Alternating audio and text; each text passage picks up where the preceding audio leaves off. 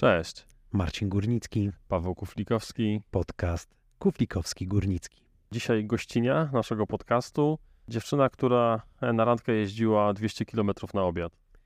I która wkręciła się po same uszy, tak powiem, w kolarstwo gravelowe. Było trekking, była stal, było aluminium, potem karbon. Były ultra, a teraz są ultra i gravel racing. E, dokładnie, od e, wielodniowych e, wyryb po jednodniowe wyścigi i gonki. Także ewolucja od jazdy po trening. No to skoro tak, to startujemy. Zapraszamy na rozmowę z Moniką Rulak, czyli rowerem po swojemu. A jeśli słuchacie naszego podcastu w tej chwili w aplikacji, to pamiętajcie o, o, o wysokiej ocenie naszej rozmowy. Nie, czekaj, ale to sobie przytnę. Bo chciałem, właśnie słuchałem ostatnio podcastu i właśnie e, było powiedziane, że właśnie, żeby mówić na początku o, tych, o tym wysokim ocenianiu, nie?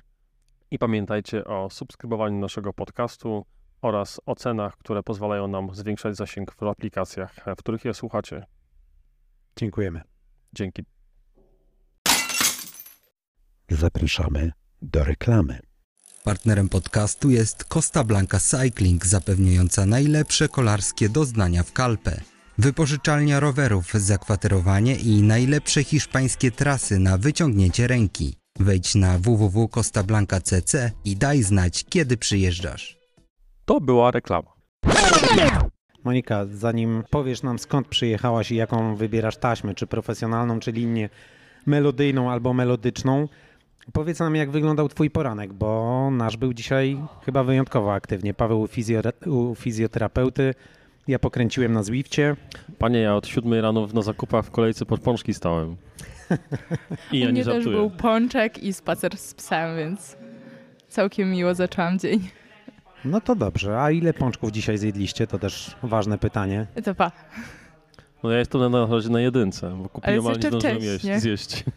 No to Monika tutaj wysunęła się ostro na prowadzenie, widzę. Jeszcze dwa w pudełku zostało, więc, zostały, więc e, możemy się zrównać tutaj. Napiszcie w komentarzach, ile zjedliście dzisiaj pączków. Tak, bo oczywiście nagrywamy w, we czwartek. E, Tłusty czwartek. Tłusty czwartek. Dwa lata temu w tłusty czwartek się spotkaliśmy i przyklepaliśmy podcast, Marcin. Pamiętam. Pamiętam na No, Powiślu. trudno, żebyś nie pamiętał. No tak, to był, to był niefajny dzień, ale, ale miło Ale fajna historia też się wspominać. zaczęła tego dnia. Dokładnie tak. Czyli już wiemy, co, co zrobiłaś. No to teraz jakbyś mogła w kilku słowach o sobie powiedzieć. Fajnie, że się odezwałaś do nas, fajnie, że się spotykamy dzisiaj. Więc tak w kilku słowach, krótka prezentacja. Jak się wkręciłaś w kolarstwo? E, miałam malutką nadzieję, że jednak Marcin zrobisz to za mnie, bo zdecydowanie wolę, e, gdy ktoś z zewnątrz e, jest w stanie opowiedzieć o drugiej osobie. Mhm. Więc, e, To wiesz co, ułatwić zadanie. O, Marcin, To Paweł cię, to Paweł cię zareklamuje. bo ja też jestem Nie, ciekawa. nie, wyłam- wyłam Marcina do odpowiedzi. widzi? Marcin, jak się spotkałeś z Moniką? Jak się wasze drogi skrzyżowały? Ojejku. Twoje pierwsze chyba spotkanie. jakoś internetowo e, No nie, na mów o Instagramie, prawdziwym a życiu. realnie to chyba na Sudowi, tak? Tak mi się wydaje. Chyba cudowie. Sudowia No to- Gravel, to znasz taką imprezę, Paweł? Właśnie ja to samo chciałem powiedzieć, że ja Monikę też poznałem na, na Sudowi, na starcie i na mecie. Bo jechała ultra. Nie, no tak, bo wy wtedy chyba z Kacprem w ogóle w namiocie spaliście. No proszę, jaką ja mam pamięć. Niepotrzebny bilobil. No, to 2022 rok. Pierwszy. Pierwszy? Tak, To była pierwsza Sudowia. tak. Ach, E, e, przypomnę, to taka e, Nie. Nie. piękna pogoda była wtedy. nie, nie, nie. 2021 to była pierwsza Sudowia i ona odbywała się w czerwcu, a 2022 to musiała być w 2022 Sudowia. Tak, Tak. 2022, co taki Armagedon pogodowy bardzo- był. Tak, czyli I były tam drugi. problemy z Tak, e, bo klockami. wszystkim, Wiało tak. padało, tak, klocki wy- wypłukiwało z, z tych z uchwytów, z hamulcy. No, czyli 2022. No, ale... To był wasz pierwszy start, e, twój Kacpra w ultra? e, To... Nie, trzeci. Ale y, o tym y, wydarzeniu można by było spokojnie napisać dobry materiał. Ale o Sudowi, czy, czy O o, tych trzech, trzech startach? E, o Sudowi, e, tak. E, prawda jest taka, że e, na ultra, jeśli jest trudniej, to lepiej to później wspominamy. No, ja też tak myślę, że im więcej takich właśnie smaczków, e, tym to bardziej zostaje w pamięci i Będzie o czym wnukom opowiadać. Wnuką, wnuką. To Monika, co było pierwszym startem e, w gravelowym? Pomorska 500. I coś wcześniej było takiego ro- rowerowego, Absolutnie intensywnego? nic. Czy to, był To był taki, taki- pierwszy szalony pomysł? E, e, Szalony pomysł to bardzo dobre określenie. Ale zawsze z Kacprem, czy to było jeszcze twoje indywidualne wyzwanie? E, nie. E, Zaczęliśmy jeździć razem i w sumie się wkręcaliśmy to tak samo, więc startowaliśmy też razem. To jak jeździliście wcześniej? No bo 500 km to jest dosyć duże wyzwanie, duży dystans. To nie jest tak, że wiesz, widzisz e, reklamę w internecie, mówisz, a dobra, to chodź sobie pykniemy tą 500, nie? Oj, wiesz, trochę tak było. Ale tak naprawdę e, od początku e, zaczynaliśmy od dłuższych dystansów, bo jak robiliśmy to w miarę dobrze i sprawnie szło, więc nawet tym rowerem trekkingowym wsiedliśmy od nas z okolic Warszawy i pojechaliśmy sobie do Gdańska na dwa dni rozłożone. I tak myśleliśmy, fajnie, co więcej, nie? Czy co pierwszy to był trekking? Tak. E, nie, nie, nie miałaś roweru górskiego, jak większość ludzi. Nie, jestem chyba trochę jeszcze za młoda, żeby przerabiać te starsze modele, szczerze mówiąc. Nie, ale taka prawda, nie? Bo e, tak naprawdę jak e, zaczęłam jeździć tym trekkingiem, to za chwilę szły pierwsze pogłoski, przynajmniej u mnie o gravelu, nie? Później e, wszedł taki stalowy, ciężki gravel. Pojeździłam nim rok, nawet e, właśnie robiłam Pomorska i, e, Pomorską i Wisłę na nim. A później już e, wszedł Alu, nie? Więc gravel przerobiłam chyba od, od, od podstaw, nie? Wisłę 1200, tak? Bo wtedy nie było jakiejś tam wisełki. Nie, nie Nie, było. nie, nie, ale, ale ty, ty jechałaś pomorską, nie jechałaś Wisły. Jechałam to i to w tym A. samym roku. A, aha, czyli pomorska była w czerwcu, miesiąc Tak. później zrobiliście Wisłę. Tak, e, wcześniej był pomysł na Wisłę, ale stwierdziłam, że może sprawdźmy się na czymś krótszym i nie wiem dlaczego myślałam, że pomorska będzie łatwiejsza. I to był 2020, E, to był rok wcześniej, czyli to był pierwszy. czy 2020? Mhm. Pier. To pierwszy. Nie, nie, bo, nie, bo jechała. Dobrze, no tak, dobrze, 2021, Mhm. okej. Dobra. Pamiętam, że Pomorska 2020 to był jakiś pogodowy Armagedon Tak, i i straszne... bardzo dużo osób go nie ukończyło, więc Tak. jak my byliśmy, to wszyscy mówili i, i już teraz będzie lepiej. To nie to, co w tamtym roku. A czyja była właściwie inicjatywa, żeby wystartować? Domyślam się, że twoja, bo Kacper taki jest troszkę spokojniejszy chyba. Tak, e, ja jestem e, z nas dwoje tą osobą, która ma pomysły, na które na początku e, Kasper przymyka oko, a później pyta, ale tak serio? No tak. Czyli, czyli jakbyśmy tak się mieli trochę cofnąć do początków. Macie te rowery trekkingowe, to jak wyglądało wasze jeżdżenie? Mm. Jeździliśmy coś dobrze zjeść, więc e, zawsze był jakiś No właśnie, dobry bo cel. jem ciastka, żeby jeździć, e, Tak. jeżdżę, żeby jeść ciastka. To Nie? się Mówię- nazywa kolarstwo kaloryczne. W sumie zaczęliśmy jeździć też e, w takim dość więcej, w takim nietypowym okresie, gdzie wszyscy siedzieli w domu, czyli Pandemia. początek pandemii. Mhm. I to było super, bo jeździliśmy, a na ulicach były pustki. I to też było fajne. I pamiętam nawet, jak pojechaliśmy do Lublina i się cieszyliśmy, że było e, jakieś e, miejsce, gdzie było jedzenie na zewnątrz i już ludzie normalnie coś jedli i tak dalej. No i wtedy tam były po 200-300 kilometrów, gdzieś tam dojeżdżaliśmy sobie na jedzonko. Tak Czyli- normalnie, nie? Czyli łama... 200-300 km na jedzonko o rowerem. Nie to, że tam jest fajna knajpa, siadamy w furę i lecimy, nie? No mi się tak kiedyś zdarzyło pojechać samochodem do Łodzi e, z kolegami w Też 2010 byliśmy roku. w Łodzi. Pojechaliśmy na obiad, no ale to samochodem. E, To, A tutaj No nie no, To jest Łódź to jest tak tak- jeszcze w zasięgu, bo to jest ile tam 100 coś... 184 ode mnie. Ja dokładnie pamiętam te liczby. Ale to, jakby jedziesz ten dystans i żartuję oczywiście, nie jecie nic, bo robicie miejsce na obiad. Nie no, e, przede wszystkim na ten obiad, ale e, normalnie też jemy. No to tak ciekawie brzmi, ambitnie. Ale to e, te starty w Pomorskiej w Wiśle, to było takie kolarstwo turystyczne, czy to bardziej było kolarstwo właśnie trochę takie bardziej ocierające się o, o to ultra, kiedy zarywasz noc, e, przesuwasz tą granicę wytrzymałości? Mm.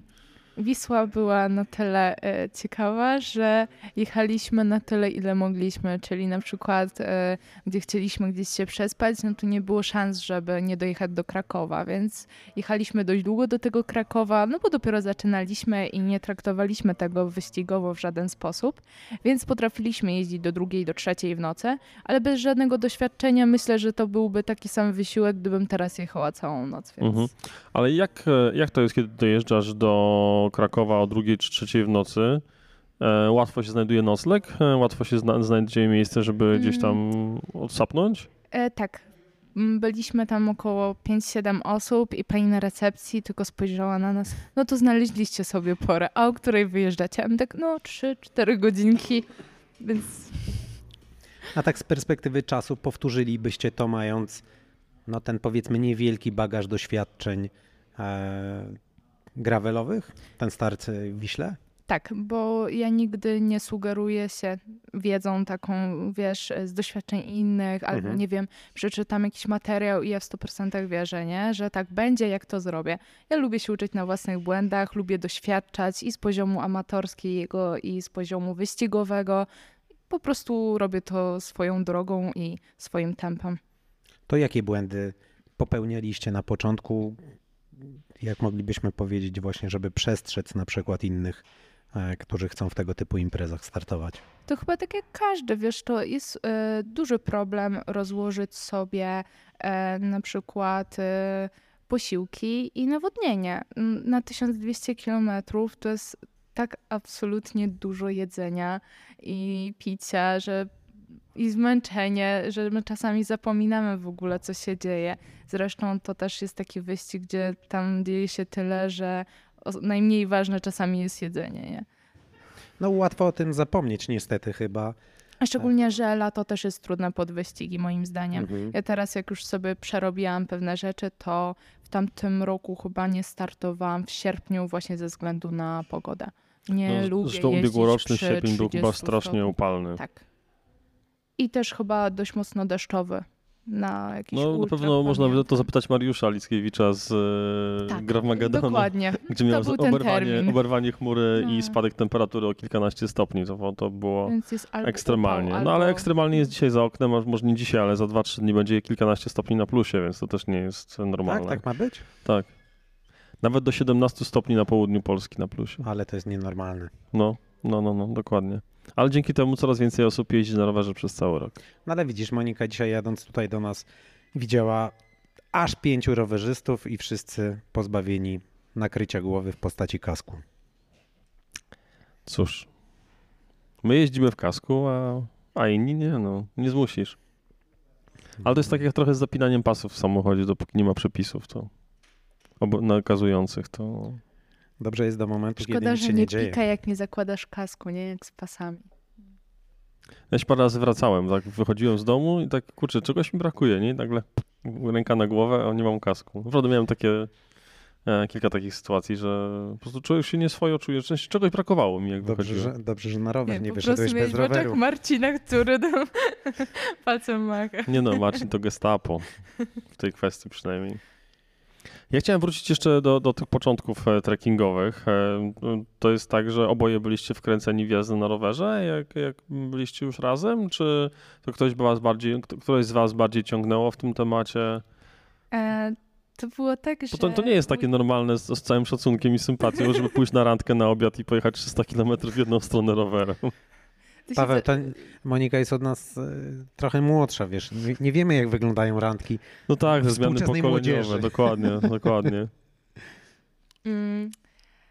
Zaczęło się w sumie od takiego pojechania po ambicji. Mm, Bo jak już Kacper kupił sobie ten rower, to ja miałam jeszcze rower miejski, taki z koszyczkiem, nie? No i wybraliśmy się dosłownie z 15 km od domu. No i tak już dojeżdżamy do tego punktu i byłam trochę zmęczona, a Kasper, no wiesz, no mm, to nie szkodzi, że nie masz kondycji. Po tygodniu wyszłam z rowerem trekkingowym i skończyło się śmieszkowanie, że nie mam kondycji na rowerze miejskim. A później to się sami siebie wkręcaliśmy po troszku. No dobrze, a mówimy tutaj o takich dosyć ambitnych przedsięwzięciach. e, Pomorska 500, Wisła 1200. A czy pojawiło się takie ambitne, taki ambitny plan, któremu nie sprostaliście?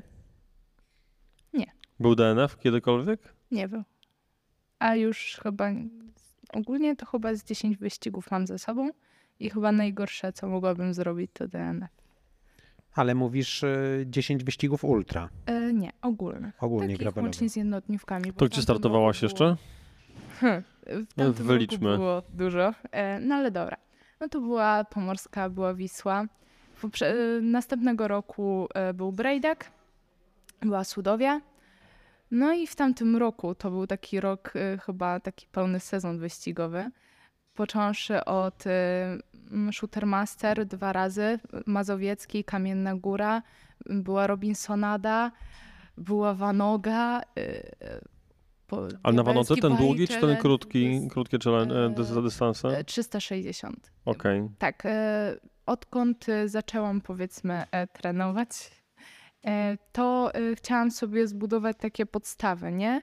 Więc stwierdziłam, że sobie zrobię 360 faktycznie longiem i naprawdę z dobrą średnią. No i tam dojechałam, nie wiem, 26 Open.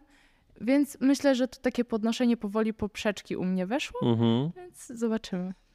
Czyli najlepszy twój wynik w tej chwili to 26 miejsce właśnie na, na Wanodze? Mm, nie. Albo inaczej zapytam, któ- który, który start e, jakby najlepiej wspominasz, bo wynik to nie jest wszystko. No właśnie, to też nie jest tak, bo na każdym wyścigu spotykasz się z kimś innym i z kimś innym rywalizujesz, prawda? No moim zdaniem pojechałam najlepiej na wyścigu, w którym byłam w 40, nie? Ale był to Shooter Master i tam był ogień od początku do końca. Ale mówisz, że mazowiecki jest ta Open. Tak. A ten, mazow- ten mazowiecki, czy Tak, na długim, czy na krótkim dystansie? e, na długim. Okej, okej, no tak, to... No to też jakby e, te imprezy jednodniowe mają chyba jednak dużo większą frekwencję, dużo wyższy poziom sportowy, prawda? Tam Tak. jednak e, tej turystyki jest dużo mniej. No jeszcze wczoraj rozmawiałam ze znajomym i bardzo mocno tam wśród moich znajomych no, szykują się właśnie na Shootermaster Mazowiecki, nie? No i patrzyli na listę startową, także powiem wam, Już teraz? Takie tak, są będzie ciekawie. Dużo koniny się zjedzie. tak. Myślę, że to naprawdę będą konkretne średnie. Bo to też jest chyba jeden z pierwszych w ogóle wyścigów e, otwierających e, Jakiś kwiecień? sezon. Chyba Mhm. końcówka kwietnia. Tak, e, 13. A, po, no 13 to, albo 14 tak. w sobotę. Albo no, 13. to, to będzie jeden z pierwszych wyścigów. E, tam coś obiło mi się o uszy, że tydzień wcześniej w Małopolsce będzie jeszcze jeden taki jednodniowy, Znaczy się, moim gravelowy zdaniem wyścig. Kwiecień to jest generalnie taki miesiąc, gdzie można już nazwać to sezonem startowym, bo warunki pod- pogodowe są adekwatne do jeżdżenia szybko, a nie na przykład gdzie w zimę. No wszystko zależy od warunków, nie? No i też nie mamy wtedy super formy, żeby jechać nie wiadomo jak dobrze. Znaczy zima też jest moim zdaniem takim czynnikiem, który no dodatkowo wprowadza tą trudność, no bo wiadomo, warunki, nie wiem, śnieg, lód i tak dalej, i tak dalej, a dodatkowo jakiś taki element taktyki, no bo też trzeba gdzieś chociażby pomyśleć o tym, jak się ubrać, żeby się na przykład nie zgrzać, żeby się nie wychłodzić. e, To no tak, tak, No to ma zgrzejesz wszystko swój się, charakter, nie? Bo w spocisz, zimę też są starty i i, też na wysokim poziomie, więc... Ale jeśli chodzi o gravel, no to myślę, że ten marzec, kwiecień jest już całkiem okej. Dlatego w marcu jedę 200 kilometrów. Jestem ciekawa, jak to Żeby będzie. nogę 15, przepalić. no. a to po prostu taki przejazd... E, Polish Bike Tour. a, Polish Bike Tour, okej, to jest ten, em, to Taka się nazywa rozgrzewka 200. prolog czy rozgrzewka? Mhm. Na Śląsku chyba. E, Gliwice dokładnie. Mhm. Taka pętelka. Czyli najpierw te 200, a potem Shootermaster w Mhm. kwietniu, połowie. Zdecydowanie bliżej ci do tych dłuższych dystansów. E, właśnie zapisałam się na jeden długi, e, na wschód 1200 w czerwcu i jestem przerażona, bo to jest tak, że jak człowiek nie wiedział, to się naszykował, pojechał, ale teraz jak sobie zdaję sprawę, nie? Co mnie czeka, jak rozłożę siły, jak się spakuję, jak będę jeść.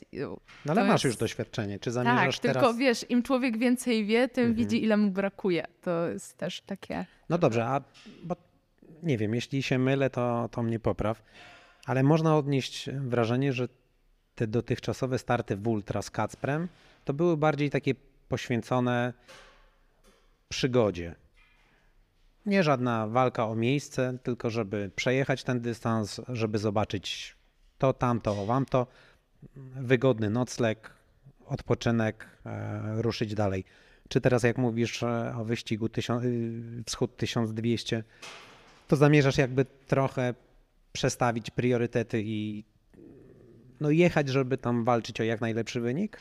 Pierwsze dwa lata były przygodowe i dla mnie e, pakiet to była e, taka wyjściówka w przygodę, w fajne rejony, zaplanowaną trasę.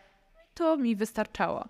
ale jak e, zaczęłam e, trenować e, i generalnie dużo związałam się z babską korbą, to e, strzelili we mnie trochę tej adrenaliny, e, tej chęci do rywalizacji.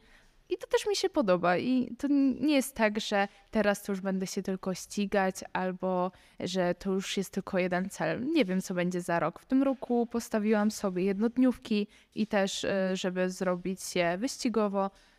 1200 chcę zrobić wyścigowo. Mam Mhm. plan spać jak najmniej, no ale zobaczymy. Czyli Też plan jest tak, Tak. naprawdę... Mhm, mhm.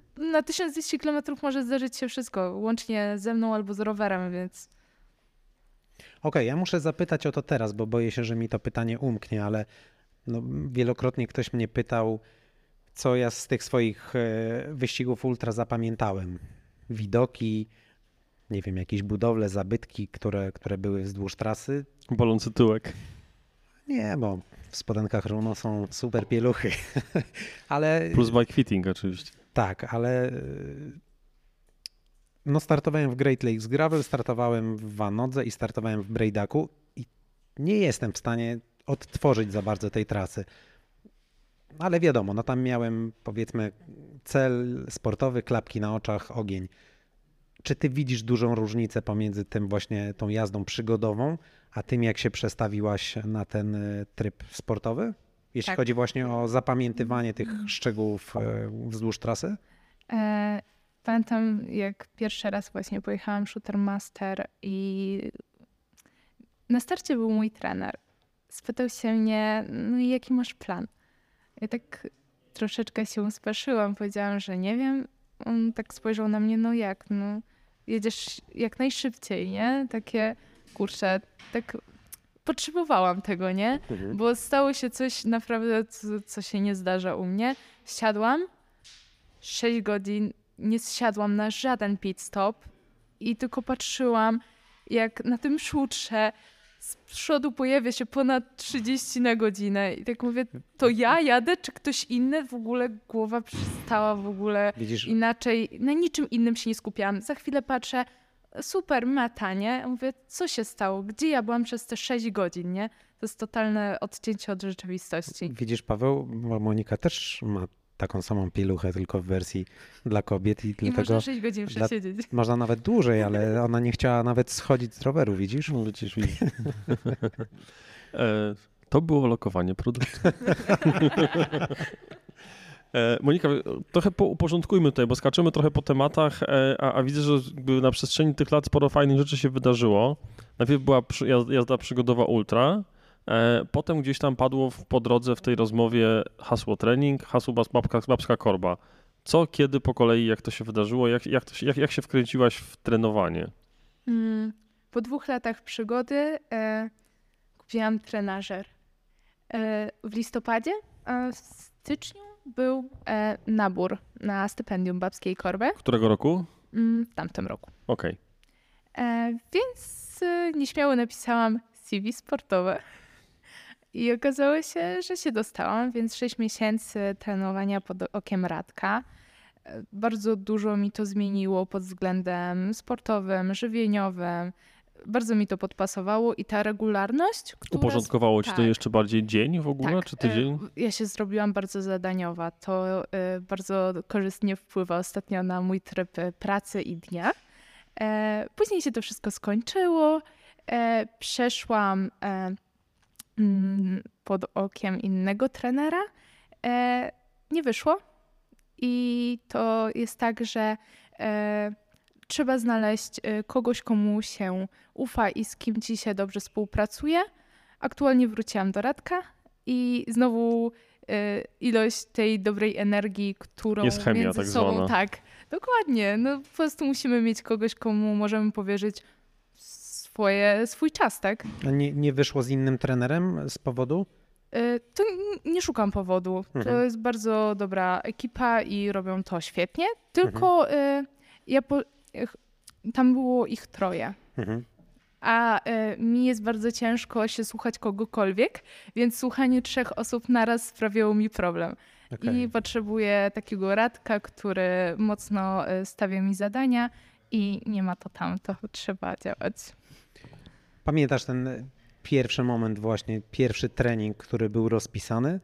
Jak, jak to wyglądało? Bardzo że, bolało. że jeździłaś właśnie bardziej przygodowo, a tu nagle musisz się przestawić ten tryb e, treningu, w ten tryb e, walki o wyniki. Tu cię zaskoczę. Jak kupiłam trenażer, to wkręciłam się zbyt mocno i jeździłam bardzo dużo, bez e, większego planu, ale jeździłam. Czy jakiś Zwift pewnie, tak? Tak. To ja tylko przypomnę, to, to przepraszam, wejdę, wejdę, wejdę w zdanie. E, cytat z Adama Starzyńskiego, wywiad zrobiony przeze mnie dobre 10 lat temu e, i mój ulubiony cytat, amatorzy mają skłonności do autodestrukcji. Mhm. To się, to się powtarza cały czas. Uważajcie, naprawdę, bo e, przepracować listopad, grudzień, styczeń, e, siedząc na tym tak naprawdę 5-6 dni w tygodniu, e, bez opieki trenerskiej, po ponad 1000 kilometrów Miesięcznie? wcześniej, tak ja jeździłam w zimę więcej niż w sezonie. Nie I- wychodząc na dwór, bo tylko, tylko, tylko trenerze, tylko tak. i wyłącznie Zwift, tak? I jak zaczęłam trenować z Radkiem, to w pewnym momencie miałam taką frustrację, że się czułam jak na odwyku. Mhm. Więc co? Godzinę? Ale co, tak wolno? Więc to jest potrzebne. To, to jest Mhm. ważne dla zdrowia. Jakby jeżdżenie rowerem jest fajne, e, wciąga, ale trzeba znać granice, bo to też jest sport, który może nas wymęczyć, nie? Znaczy też mi się wydaje, że zależy jakie kto ma cele, ambicje, bo e, wydaje mi się, że dużo jest takich osób, które no, nie startują, nie potrzebują jakiegoś ustru, ustruktury, ustrukturyzowanego treningu, tylko po prostu chcą być aktywne, chcą się ruszać, e, kupują ten trenażer, wsiadają na Zwifta, sprawia im to przyjemność i, i tyle, i to jakoś bangla, tak? No tak, ale to w tym momencie tak naprawdę mówimy o takich osobach, które po prostu chcą być aktywne, a Tak. jak tutaj Monika opowiadała, że wkręciła się tak Za mocno bardzo. w Nie Zwifta, że wiesz, no, ro- rozumiem, że każdego dnia po południu wieczorem siadałaś na rower i dwie, trzy godzinki wpadały, nie? No, trochę było. Bo na Zwifcie, przypomnijcie mi, bo ja jestem totalnie anty, antytrenażerowy, co wcale nie jest chyba dobre, bo, bo trenażer ma, też ma swoje dobre strony, ale na Zwifcie też jest coś takiego jak plan treningowy, nie? Tam też można nie tylko brać te udział w tych group ride'ach, ale też można po prostu realizować jakiś tlen, plan treningowy Zwiftowy, prawda? Można. Ja ostatnio nawet y, nie pamiętam kto, ale analizował właśnie te treningi, gdzie połowa z nich jest taka trochę nieadekwatna. A Pod... na YouTubie jest nawet film Wegerege sprzed, nie wiem, pewnie 3-4 lat i on też właśnie tam się pochyla nad tymi gotowymi treningami. Gdzieś tam krytykując powiedzmy niektóre Tak. te plany, no to wiadomo, to było 3-4 lata temu, pewnie te plany zostały jakoś już e, zmodyfikowane, więc może to się poprawiło, ale nie wiem, ja nigdy nie miałem potrzeby, żeby z nich korzystać. Wiesz, jak ktoś jest świadomy tego, jaki trening wykonuje i sam w tym siedzi i zna swój organizm, no to jakby wiesz, to co lubi, ale ja wiem, że z trenerem żyje mi się lepiej po prostu. A co dla Ciebie jest taką wartością w pracy z człowiekiem jako trenerem? E, możliwość, nie wiem, dzwonienia się, porozmawiania, możliwość, nie wiem, nie wiem, takiej, nie wiem, tego, że nie masz takiego sztywnego planu z tabelki z komputera wyplanego, wyplutego przez, nie wiem, AI czy, czy jakiś inny algorytm. E, co, co jest tutaj taką największą wartością, co Ci motywuje do tego, żeby trenować i, i, i cały czas się rozwijać? Mm, chyba najbardziej to, że właśnie możemy się komunikować na bieżąco i e, moment e, opisania, jak się e, czujesz po treningu, e, też e, podpowiedź, e, może ten trening powinien zrobić o innej porze, bądź e, przesuniemy go na inny dzień. To też dużo zależy, bo e, ja mam e, pracę w tygodniu, szczególnie zimą, trochę niecodzienną bo jak zajmuję się fotografią, to też właśnie działam z mężem w jego firmie i pracuję w firmie budowlanej. Więc wysiłek fizyczny za dnia jest ogromny i czasami mocno się zastanawiam, czy nie szkodzę sobie wchodząc na ten trenażer na trening po tak ciężkim dniu. Więc to jest kontrola taka pełna nad życiem. No to jest jeszcze większe wyzwanie. Ja ostatnio ze znajomymi właśnie miałem taką rozmowę mm, na temat e, w ogóle kolarstwa jako takiego, że, że jakby jest bardzo niewielki odsetek osób, które rzeczywiście wkręcają się w kolarstwo, czy, czy poszukują kolarstwa, jednocześnie będąc na przykład właśnie z pracownikami czy fizycznymi, czy pracownikami, które, którzy wykonują dużo fizycznej pracy wynikającej z tego czy innego, nie? Jakby to jest głównie e, aktywność, sport, o nie wiem, e, ludzi pracujących przy komputerze za biurkiem, którzy potrzebują ruchu, a nie tych, którzy już ten ruch mają. Może właśnie dlatego mój Kacper w tygodniu zazwyczaj nie jeździ. No Mhm. bo on ma większą część obowiązków i gdy obserwuję go za dnia, to tak pod koniec stwierdzę, nie, nie, tu jakby trening już miałeś za Już sobą, nie? zaliczone. Dokładnie. No, no nawet nosząc, e, nie wiem, worki z, z cementem czy coś. Ostatnio o, o tym rozmawiałem z, z Romanem Drzewkiem na, na Syrence, e, bo akurat remontują część swojego e, biura pro, projektowego, część ekspozycyjną i właśnie mówi, że no, trochę mniej czasu na rower, bo, bo trzeba popracować i mówi, że jak się dobrze podnosi worek z cementem, no to trochę jak martwy ciąg jest, nie? Tylko trzeba robić dobrze i umiejętnie. No właśnie, trzeba, trzeba to umieć. Tak, trzeba to umieć, bo oczywiście no, dźwiganie e, może prowadzić do kontuzji i krzywdy, nie? Zwłaszcza Paweł już w naszym wieku. Wiesz co, teraz mówisz w naszym, a ostatnio mówiłeś, ty dochodzisz do pięćdziesiątki, no. Więc zdecyduj Nie, ja się. to chciałem tak, wiesz, rozgraniczyć, bo tu Monika jest dużo młodsza od nas, to mówiliśmy o tych randkach dojazdowych. Randki dojazdu, Tak, tak. nowe Ale swoją drogą gdzieś mi e, mignął chyba na Instagramie y, człowiek, który wykonuje pracę kierowcy tira i wozi ze sobą rower z trenażerem. I to też jest mi tak trochę ciężko sobie wyobrazić, że jedziesz takim ciężkim, ciężkim samochodem, wykonujesz ciężką pracę. e, Nie wiem, nie wiem ile tam jeżdżą ci kierowca, no ale dobre parę godzin, musisz być skoncentrowany. Potem, nie wiem, dojeżdżasz gdzieś na parking, wyjmujesz ten trenażer. To, też często nie ma, nie ma sensu taki trening, kiedy jest się już e, dojechanym właśnie tą, tą pracą fizyczną, tak? No tak, no to jest, to, jest, to jest duży problem, żeby znaleźć taką równowagę i złoty środek. Ale nie? wiesz, na, na, na Garmin Connecta czy na Strawę nie to dasz takiej pracy na przykład. Zawsze możesz wpisać po prostu sobie siłownię. Możesz, możesz, tak. A babska, babska korba to tylko kwestia stypendium, czy też kwestia tego, że nie wiem, troszkę bardziej weszłaś w, w tą społeczność damskiej, dam, damską, e, dam, damskie kolarstwo? Em, nie ukrywam, że w sumie od tego się zaczęło, bo y, jakby w miejscu, w którym mieszkam, to raczej nie ma za dużo osób, które jeżdżą rowerem, niestety. Więc e, samo gdzieś spotkanie się z dziewczynami jest trochę trudniejsze. Mm, Nie wiem, Paweł, czy wiesz, ale Monika na ustawki jeździ z Radkiem Rękawkiem. O, Radek też właśnie, jeśli słuchasz tej rozmowy, to też jesteś zaproszony do... Szykuj się. Tak, jesteś na naszej shortliście. Ostatnio się na mnie obraził. Jak coś, to ten słoik Nutelli, ustawki, słoik więc- Nutelli czeka, Radek. Pamiętam twoją słabość. Czyli lepszy amator słodyczy ode mnie? Nie wiem, czy lepszy, ale wiem, że zawsze, e, znaczy przez wiele lat wrzucał właśnie jakieś e, kuszenie Nutellą. O, to właśnie e, w sumie Marcin macie podobną pasję, bo on sobie tylko zostawia taką wielką czekoladę przy laptopie, jak jedzie trening, więc wiesz, Nie, nie, to ja aż tak, aż tak to nie. Widzicie, jest y, dokładnie godzina 13.20, ale wybiło jak, jak w radiu, jak w wiadomościach 13.20 za 10 minut serwis informacyjny. Y, I jestem dzisiaj tylko po jednym pączku. Ale coś zaczęłaś mówić, że się obraził na ciebie. To jest taki wątek tutaj ciekawy. E, tak, tak. e, Zazwyczaj wychodzą w niedzielę, a mi często coś nie pasuje i okazuje się, że wychodzę raz w miesiącu, więc albo jak wyjdę z kimś innym. Wiesz, no mamy bardzo małą społeczność i tak naprawdę e, wokół, no nie wiem, 40 kilometrów jest może 15 osób jeżdżących na rowerze.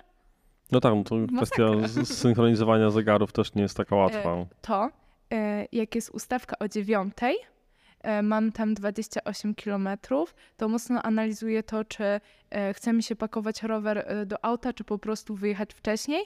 I zawsze jak podjeżdżam, to jest pytanie, ale rowerem czy samochodem? Rowerem. Chciało ci się? O siódmej to ja się przekręcałem. nie?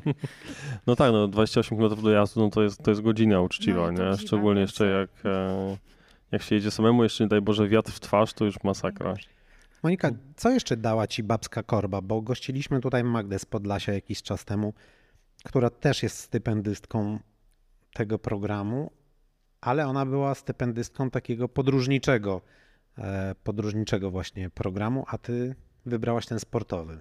E, tak, e, moim zdaniem e, ten sportowy był na tyle fajny, że jakby też motywowałyśmy się z dziewczynami, bo każda z nas startowała I jak był dzień startu, to po prostu śledziłyśmy się wzajemnie i zawsze jakieś tam słowo wsparcia na grupie padło, więc to chyba było w tym wszystkim najfajniejsze.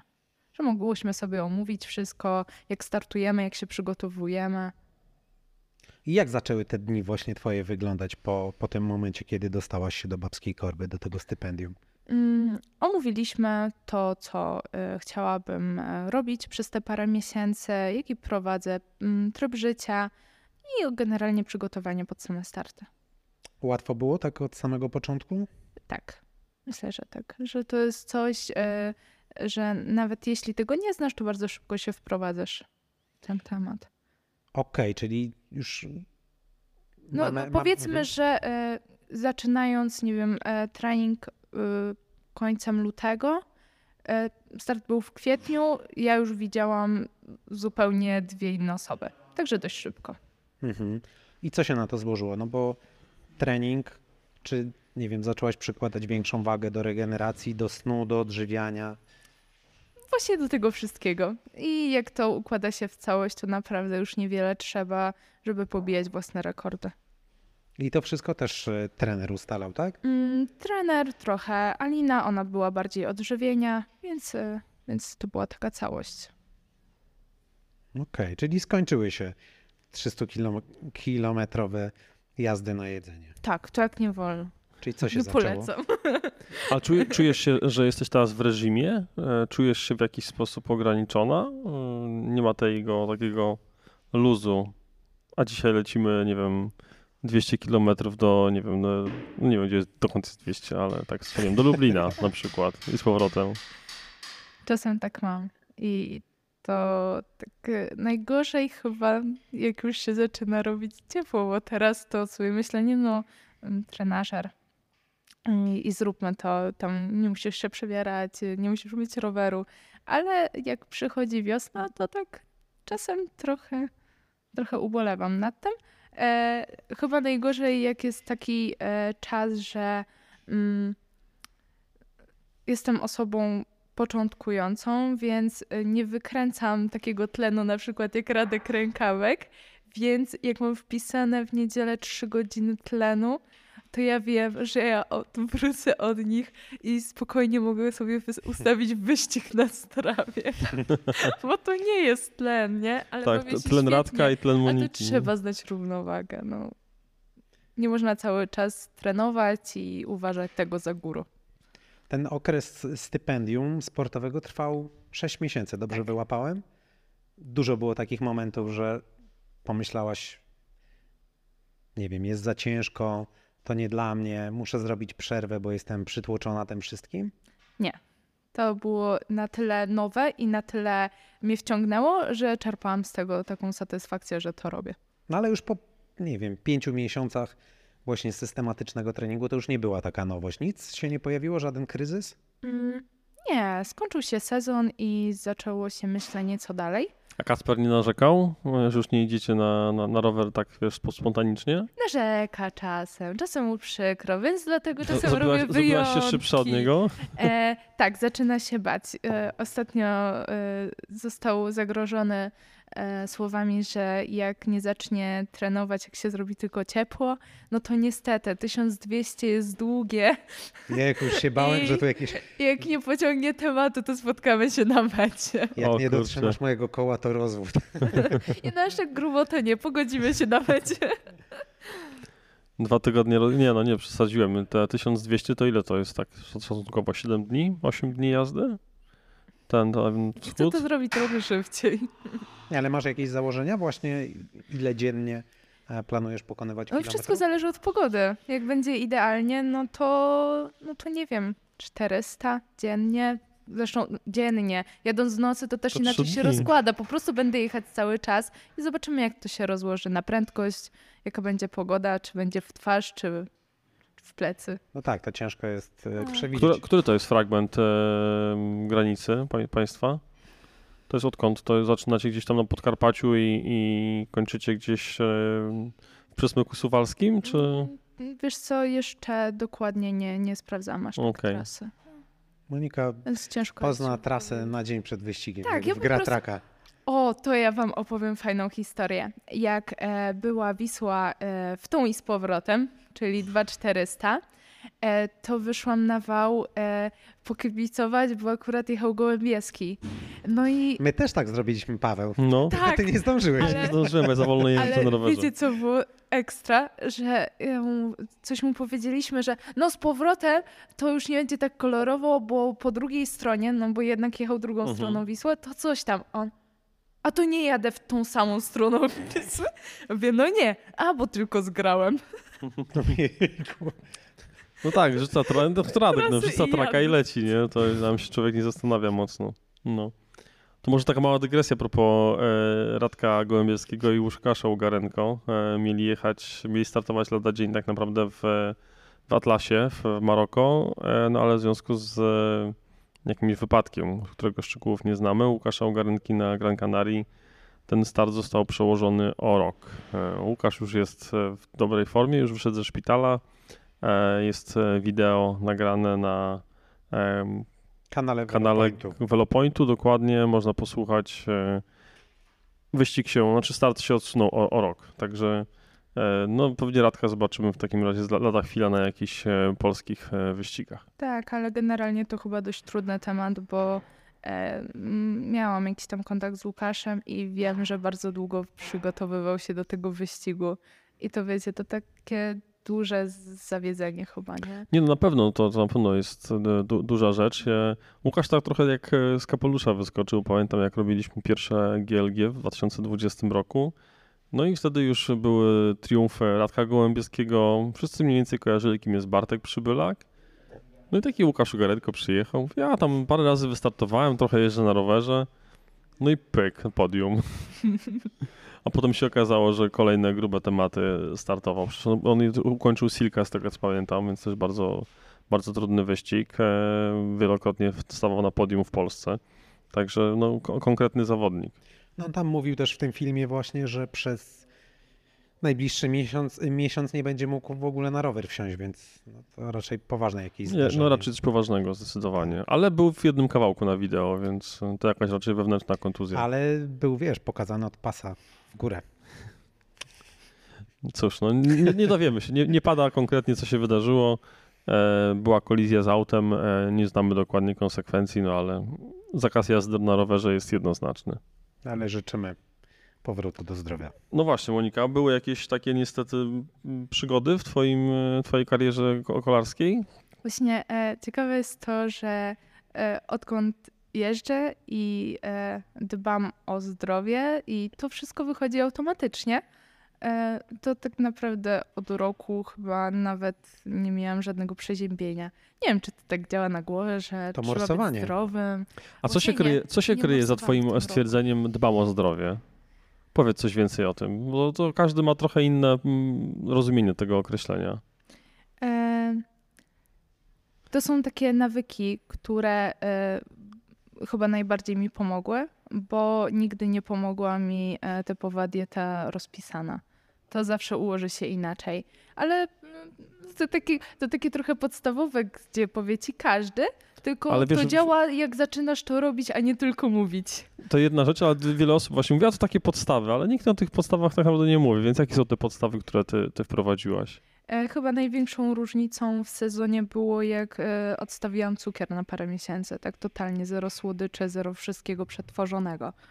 To się tak wydaje, że nie, Marcin, w sumie słyszysz? nie jem dużo To, jest- to jest słodyczy, niemożliwe, ale my naprawdę jemy tego dużo. to prawda. E, I e, zamienię słodyczy na warzywa, bo jak owoce są często u nas i jemy ich w miarę dużo, tak o warzywach zapominamy, bo nie wiadomo w sumie do czego to wrzucić, nie? Oj, ja to Tak za dużo czasem jem warzyw. Naprawdę, jem obiad jest ponad pół kilograma warzyw. No to dobrze, bo ja na przykład miałam z tym duży problem.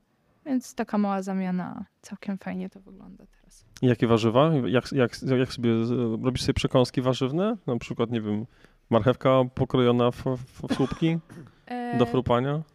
Nie, bardziej po prostu coś e, z ryżem i rybą. To chyba najlepiej, bo mięsa Czyli bardziej jako posiłki, nie, nie Tak, jako przekąski. Jako posiłki. Nie, przekąsek nie, trzy posiłki. Kiedy siadłam pięć, e, okazało się, że to wcale nie jest takie dobre, mm, więc zostałam przy trzech pełnych posiłkach i to też mi się sprawdza lepiej. Zapraszamy do reklamy. Partnerem podcastu jest Costa Blanca Cycling, zapewniająca najlepsze kolarskie doznania w Kalpę. Wypożyczalnia rowerów, zakwaterowanie i najlepsze hiszpańskie trasy na wyciągnięcie ręki. Wejdź na www.costablanca.cc i daj znać, kiedy przyjeżdżasz. To była reklama. A jakie jeszcze inne nawyki? Bo żywienie to jedna rzecz, ale dbam o zdrowie to trochę, trochę chyba szersze określenie. Mm, Jak jest na przykład e, ze snem? Mnie kiedyś górnik zaimponował, to było przed Cape'em, chyba miałeś taki wpis przypięty na swoim fanpage'u e, o śnie i o tym, że dzięki regularnemu, długo, długiemu snu e, właśnie jest dobra przemiana materii, dobra regeneracja i tak dalej. E, Imponowałeś mi zawsze tym, że tam po dziesiątej to już górnik śpi, nie? No, to- wtedy to to, nawet był chyba taki okres, że ja potrafiłem, to jeszcze Stasiek był mały, e, robić tak, że on szedł o ósmej spać, no i powiedzmy do tej siódmej potrafiłem mm, spać, więc, więc długo. Teraz trochę to zaniedbałem, przyznam szczerze, bo powróciłem do takiego dosyć intensywnego wieczornego grania e, w FIFA na PlayStation, więc no tak chodzę... to nam zaimponowałeś. No przedwczoraj, Duży nie wiem, chłopiec. poszedłem w pół do pierwszej, tak? Ale e, na przykład wczoraj, Ale we- dzięki temu Polska wygrała mundial. ale wczoraj na przykład Garmin mi pokazał tylko 5 5.30 snu, czyli krótko w porównaniu do tego, co śpię na co dzień, e, a czułem się dobrze. Nie czułem, że za mało było tego snu. No i to też jednak e, to żywienie, to, że, że ostatnio trzymam mm, tą michę, e, no ma duże przełożenie. Monika, jak u ciebie jest? To z tym spaniem ostatnio się nie popisze, ale y, wniosek jest taki, że y, zdecydowanie ma to znaczenie. Y, to jest ten moment, że jeśli nie położę się do 22, to rano nie ma szans, że obudzę się wyspana. U mnie to z 6-7 godzin jest ok. Jak śpię 5, to y, budzę się i myślę, że jest super i mam dużo energii a to jest tylko oznaka tego, że o godzinie 12 generalnie już ucięłabym sobie drzemkę, więc Co byśmy jeszcze wrzucili do worka? Dbam o, dbam o zdrowie, dbam o siebie. mm, dużo osób początkujących, którzy jeżdżą rowerem, tylko jeżdżą rowerem, a nie dbają o ciało, o rolowanie. Generalnie to chyba to już tak weszło w nawyk, że co drugi dzień, codziennie to z 5-10 minut. Jednak jak ciało gdzieś e, jest w ruchu, to potrzebuje tego rozluźnienia. No, ja do tego dojrzałem dopiero od Ja tego też, roku. ja też się śmieję, że dorosłam. No mnie, mnie moja starsza córka ostatnio męczy, bo coś tam biegałem ostatnio i on, a coś mi boli. A rolowałeś się, rozciągałeś się? Daj spokój. Nie, ale Paweł, ja naprawdę czuję różnicę teraz. No tylko, że ja na przykład w styczniu ominąłem tylko trzy dni, kiedy się nie rozciągałem. Mhm. Polecam, to już kilku osobom wysyłałem. Dzisiaj też e, na Instagramie dostałem zapytanie i też podesłałem. Trafiłem na fajny anglojęzyczny kanał e, na YouTubie z różnymi ćwiczeniami i odpalam sobie właśnie codziennie e, wieczorkiem rozciąganie czy, czy core e, z panią. To mnie motywuje i, i poświęcam tej pani swoje 15 do 30 minut każdego dnia. Ta pani cię motywuje, powiedz. Nie, znaczy mógłby być też pan. Dzisiaj na przykład po, po trenażerze odpaliłem sobie pana, ale pan mnie jakoś tak nie urzekł. Jak to pani. A Ale- jednak. E, no tak, bo tam się odlicza czas, ona tam mówi, widać, które mięśnie pracują, a ten pan tylko pokazał ćwiczenie i była rozpiska, ile tego zrobić i następne ćwiczenie, więc nie czułem tego, że robimy to razem, a to jest dla mnie ważne. Ale powiedziałaś w międzyczasie też, że przestałaś morsować. E, tak. E, to się chyba ułożyło e, w ten sposób, że za późno e, chciałam zacząć, bo zazwyczaj sezon zaczynałam, jak wszyscy się ze mnie śmiali, że to nie jest czas na morsowanie, czyli koniec października.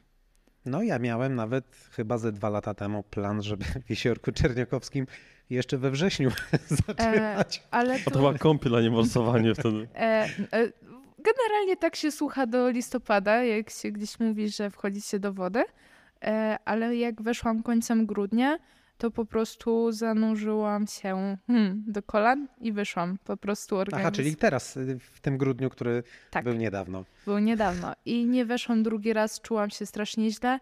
E, chciałam wejść dalej, ale nie, to, to to jest coś takiego, że mm, w tamtym roku e, Kacper czuł coś takiego, że też gdzieś przegapił i ja się trochę z niego śmiałam, z czego do tej pory jest mi głupio. E, mówił, że nie, że też fizycznie pracował na zewnątrz, więc jemu generalnie było zimno w pracy. To nie jest to samo, co praca na, e, wewnątrz.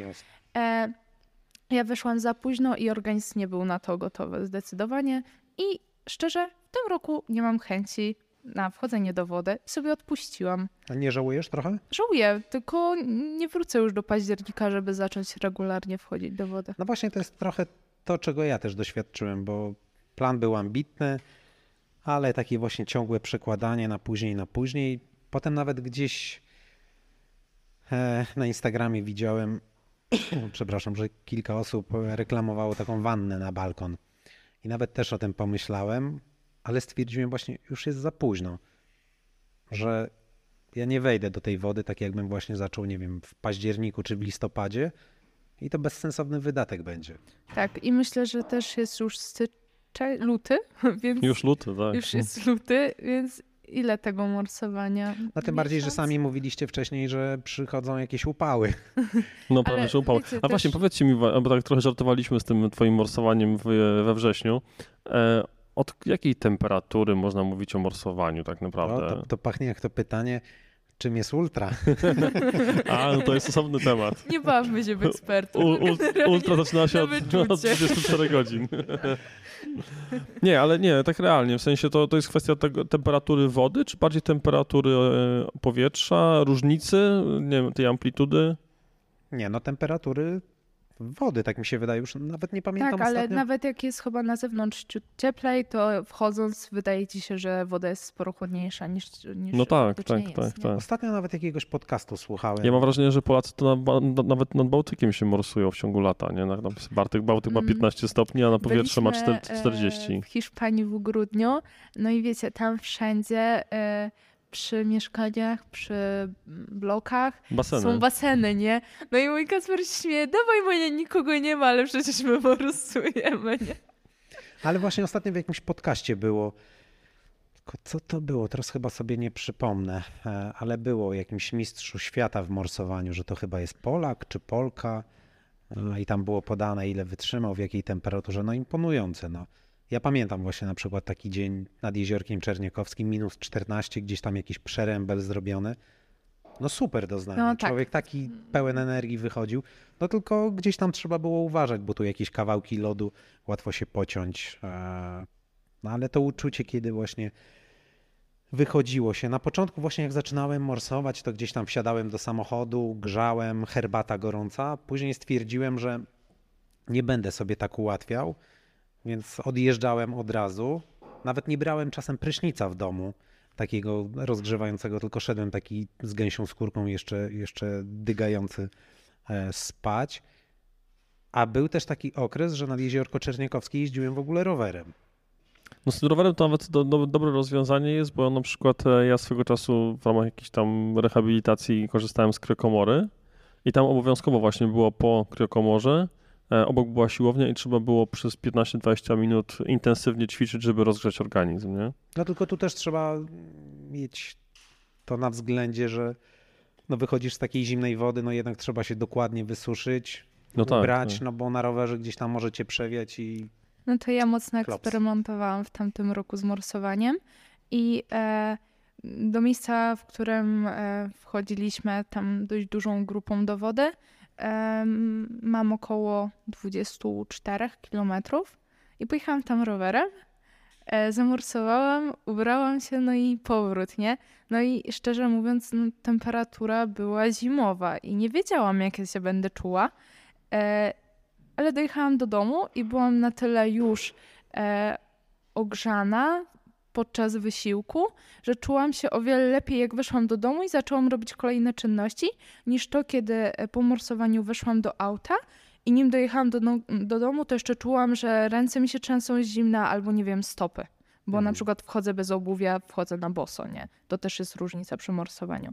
Więc ten rower był całkiem ciekawym eksperymentem. No to ten pomysł z tą beczką na balkonie nie jest zły, no bo wtedy właśnie, wiesz, wyskakujesz z, te, z beczki, robisz intensywny trening czasowo. jakiś tam, a też logistycznie oczywiście, no. A już też się pojawiły jakieś tańsze oferty, bo ostatnio widziałem reklamę za chyba 250 czy, czy tam 280 Jak zł za beczkę, więc... Właśnie e, Za rok będzie można kupić naprawdę. A bo przecież one zaczynały się od 500 chyba, czy, czy Właśnie 6 nawet. Właśnie ja na to liczę, że te ceny też gdzieś tam upadną. Marcin, w następnym sezonie pomorsujemy, co? Tak, ale, ale to też, nie wiem, Kiedy no, zaczynamy od poniedziałku, od poniedziałku, dzisiaj poniedziałek, od następnego. kończysz, dzisiaj czwartek, Nie, nie, nie, to No taki, wiem, taki żarcik. kończysz, kończysz trening, nawet jakiś ciężki, no też dobrze jest wejść do tej zimnej wanny, tak? E, czy właśnie do takiej beczki. Więc myślę, że, że dużo tutaj plusów. Jeśli balkon wytrzyma, bo to też podobno trzeba sprawdzić. Tak było na stronie producenta tych No, beczek, żeby Zależy sprawdzić. jakie budownictwo, nie? No tak, bo to ta- tam ile wchodzi? Ze, ze 300 litrów pewnie, nie? Chyba 250. No, No to to jest sta, stałe obciążenie plus człowiek, no to Plus- się już robi No. 300. Ale, ale widziałem, że Mateusz Dzięgielewski ma tę wannę i zachwycony był, a to jego jakby pierwszy sezon e, takiego morsowania w beczce. No ja powiem szczerze, co jakiś czas, nie codziennie, ale, ale co jakiś czas em, staram się sobie, sobie wziąć zimny prysznic. Ja nie mogę się przekonać. Znaczy ja zaczynam też od, od takiego, od takiego nie, nie, nieciepłego i powoli sobie skręcam tą temperaturę do takiego no, poziomu dyskomfortu. No, nie, nie, nie powiem, że to jest zimna woda, bo nie będę tutaj robił z siebie bohatera, ale, ale jakby wychodzę ze strefy komfortu, przez jakiś czas ta woda jest naprawdę chłodna i też coś tam pomaga na pewno, Na na, krążenie, nie? Zimna woda zdrowia doda. Monika, powiedziałaś e, o swoim trenowaniu. Powiedzieliśmy teraz o tym e, zdrowym trybie życia. Co jeszcze trener ci e, rozpisuje? No bo rozciąganie, rolowanie, jazda na rowerze. Czy ty jeszcze wplatasz jakieś dodatkowe aktywności? E, ostatnio mam taki moment, e, że wiem, że potrzebuję jeszcze jednej aktywności, e, bo w sezonie też będę dużo wyjeżdżać i jak e, czasami nie jestem pewna, czy będę mogła wpleść to trening rowerowy, e, to miałam taki szalony plan, że zacznę biegać, mimo że nienawidzę tego, naprawdę. to Też jest- nienawidziłem biegania. No to do, do dzisiaj nie, nie ale to cierpię był biegania. moment przełomowy, bo ostatnio wyszłam w dzień wolny, mówię, nawet nie powiem o tym Radkowi, bo jak się zmacham przy dwóch kilometrów, to po prostu wrócę do domu z podkulonym ogonem, nawet tego nie zapiszę. E, ale to było przełomowe, naprawdę. Zrobiłam piątkę, jak zapisałam, bo nie patrzyłam generalnie jakim tempem to robią. Mówię, nie Mhm. Po prostu załamujmy na czuje się na przebiec Tak, prostu. tylko po prostu patrzyłam sobie na tętno i wróciłam, mówię, jeszcze raz, chcę jeszcze raz, nie? A to się nie zdarzyło w moim życiu, więc właśnie ustaliliśmy, że w poniedziałki mogę sobie pozwolić na bieganie, a e, takie treningi siłowe rozpiszemy po 15 minut razem z tymi rowerowymi w tygodniu, nie? Nie, bieganie dużo daje. Nawet taka aktywność raz w tygodniu Ale to to jest, jest też coś, fajne, co fajne Nie uzupełnienie. pozwoli się znudzić rowerem, moim Też, zdaniem. też Taką dokładnie. równowagę się- w tym znaleźć. Ty się zmuszasz do biegania? E, znaczy, zmuszam się, żeby wyjść na bieganie, ale jak już wyjdę, to, to mogę biec, nie? E, ubolewam, bo w sumie naj, najdłuższa pętla, jaką mam, taką, którą mogę komfortowo biec, jest jakieś tam niecałe 10 kilometrów. Jak parę lat temu przygotowywałem się rzeczywiście zgodnie z planem treningowym pod półmaraton i miałem wybiegania po 18 km, to naprawdę ciężko było mi znaleźć po prostu, a nie lubię biegać w kółko. Strasznie tego nie lubię. Więc, więc szukanie takiego dystansu jest dla mnie problematyczne. Także z reguły, tak jak wychodzę biegać, to biegam między 6 a 8 kilometrów. Nie? I, ale też nie biegam zadaniowo, nie? Po prostu idę po trup tam, biegam z psem, więc jak się pies zatrzyma, bo ma tą czy inną potrzebę, no to też się zatrzymuje, nie? E, No ale jakby ponad 10 lat już w tej chwili biegania mam za sobą, mm, więc też zacząłem późno biegać. e, A w- na biegu niepodległości to jest dla mnie takim benchmarkiem, e, zawsze w listopadzie. E, No to cały czas 46-47 minut robię, więc e, 10 lat później jestem tak samo szybki, jak, jak byłem 10 lat temu, więc wydaje mi się, że to jest. To nie ma regresu, więc jest progres, nie?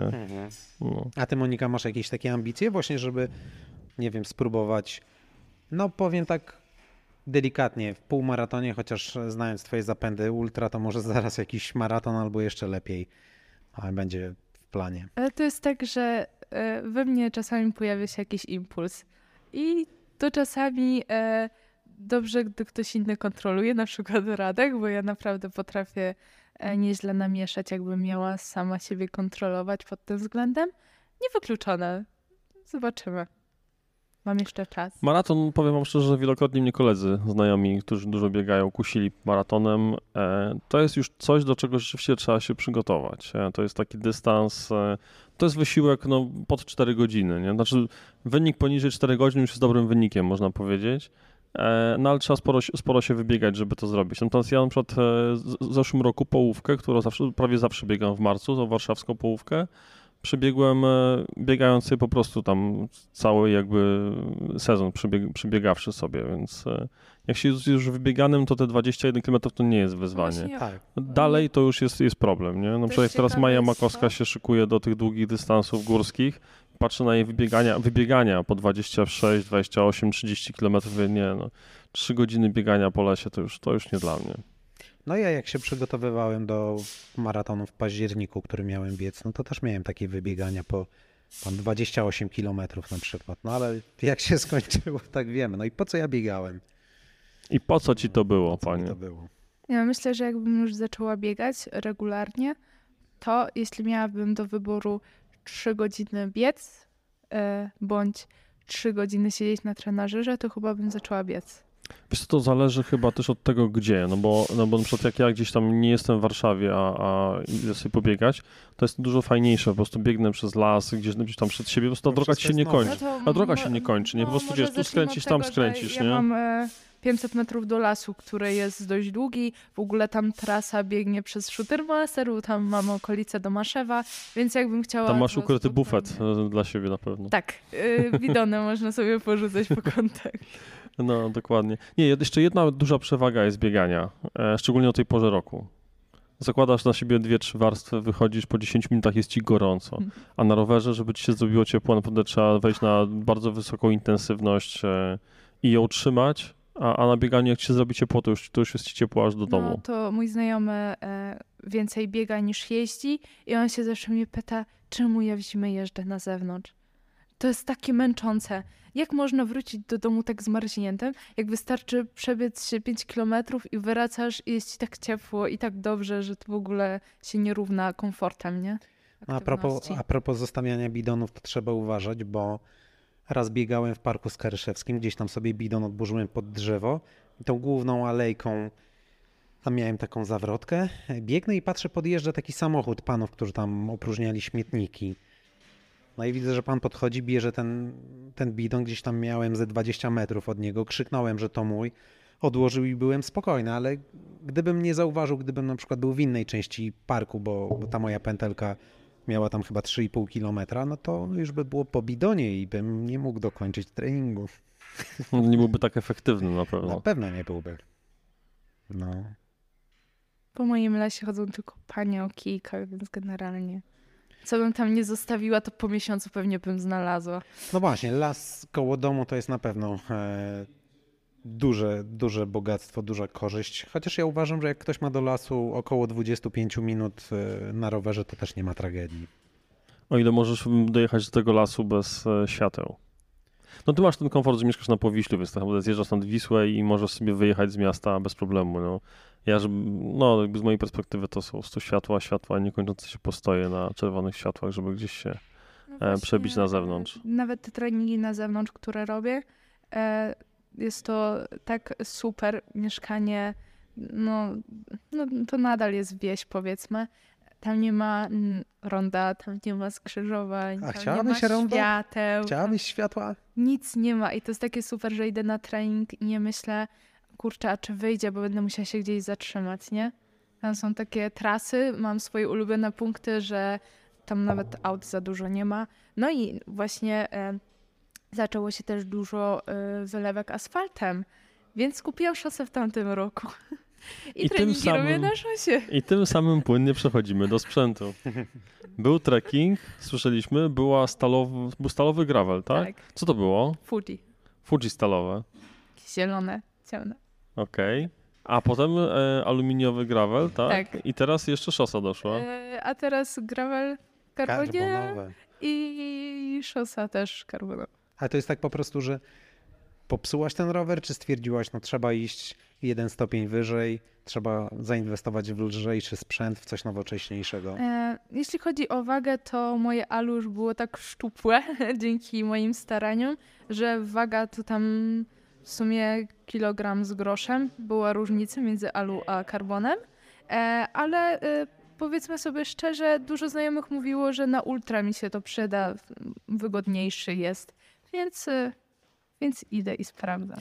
No i właśnie, bo tak się mówi, no szosa, po, y, szosa, przepraszam, stal powraca, stal lepiej tłumi drgania niż, e, niż e, rama aluminiowa, a jakbyś miała zestawić tę ramę stalową z e, ówczesną, z karbonową?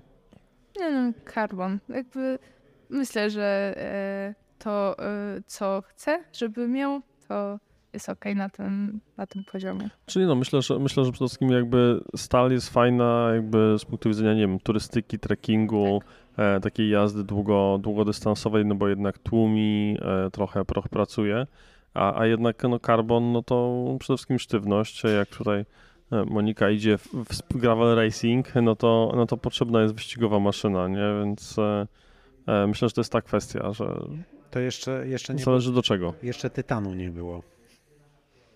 Ale pewnie nie można tego wykluczyć. Jesteś Nie, przywiązany do jakiejś marki rowerów, czy, czy każdy, każdy rower z innej mm, parafii, że tak powiem? E, miałam się to zaśmiać, ale znowu będzie e, lokowanie produktu. Ale nie, śmiało, to, to nie lokowanie, bo tutaj... Nie, e, jedyne do czego jestem przyzo- przywiązana to do odzieży, a rower ma jeździć i do tego... I wyglądać, czy nie? Nie, niekoniecznie. Uuu, No proszę. dla mnie musi No dobra, no powiedz, jakie to są rowery, no. Jakie to marki? Nie. Nie? A, Ja nie lubię tak lokować. a to, ale to To nie my powiemy. To może Marcin w temacie jest, bo ja to nie wiem. Co tam? Monika jeździ na Orbei Terra, ale nie wiem jakie oznaczenie. M, tak? Tam karbonowe modele M30 i na szosie Giant, ale tutaj kompletnie. A tu masz do tego TC, TCR-a, czy, czy masz e, tą Defi, czy jeszcze inną? E, Czy Propela, szosę? Ta, ta szosa jest e, bardzo ciekawym produktem, ponieważ e, mm, jest rowerem używanym, e, Ale Paweł tutaj popsułeś a ja feng zazwyczaj, shui na stole. a ja zazwyczaj e, preferuję rowery używane ze względu na to, że już e, jak dobrze znajdę, to mają koła takie, jakie potrzebuję i generalnie nie, nie zajmuję sobie czasu szukaniem roweru idealnego, bo dla mnie to jest drugorzędne tak naprawdę. Mm, No i e, ta, mm, ten rower, Leaf, e, waży 6 kilo. 6. 6 kg. I jak To się ją- jeszcze łapie chyba w WCI, czy już E, nie? tak, jest naklejka. Ale nie, nie, bo jakby jest, nie, to, że ma certyfikat UCI to jest jedno, ale nie pamiętam jaka jest minimalna. mi się wydaje, że 6,40. 6,45. Właśnie mam w głowie 6,45 jako waga minimalna roweru szosowego, Tak. także nie mogłabyś na wyścigu UCI wystartować. No, jest, jest bardzo leciutki. Aż, aż sobie to pozwolę wygooglować. No kurczę, 6 kg, naprawdę wylajtowany E, rowerek. e, To jest e, mm, też trochę minus, bo był to rower e, e, zawodniczy, więc nawet szczycę ma już, wiesz, skrojoną pod wzrost i tak dalej. Ale jeżdżę nim na tyle mało, że nie widzę problemu w jeździe, więc on jest taki, e, takim rowerem na trening, powiedzmy. Jakie było uczucie, jak pierwsza wsiadłaś na szosie i wyjechałaś na asfalt? Mm, No, to było dziwne. Tak, e, niekoniecznie na początku się polubiliśmy. E, Dopiero jak później pojeździłam w towarzystwie, a wtedy wiadomo, że e, trochę mniej się już skupiamy na tym wszystkim, tylko bardziej na rozmowie i po prostu to jakoś leci, to bardzo szybko się w to wkręciłam też. A mi dużo nie potrzeba.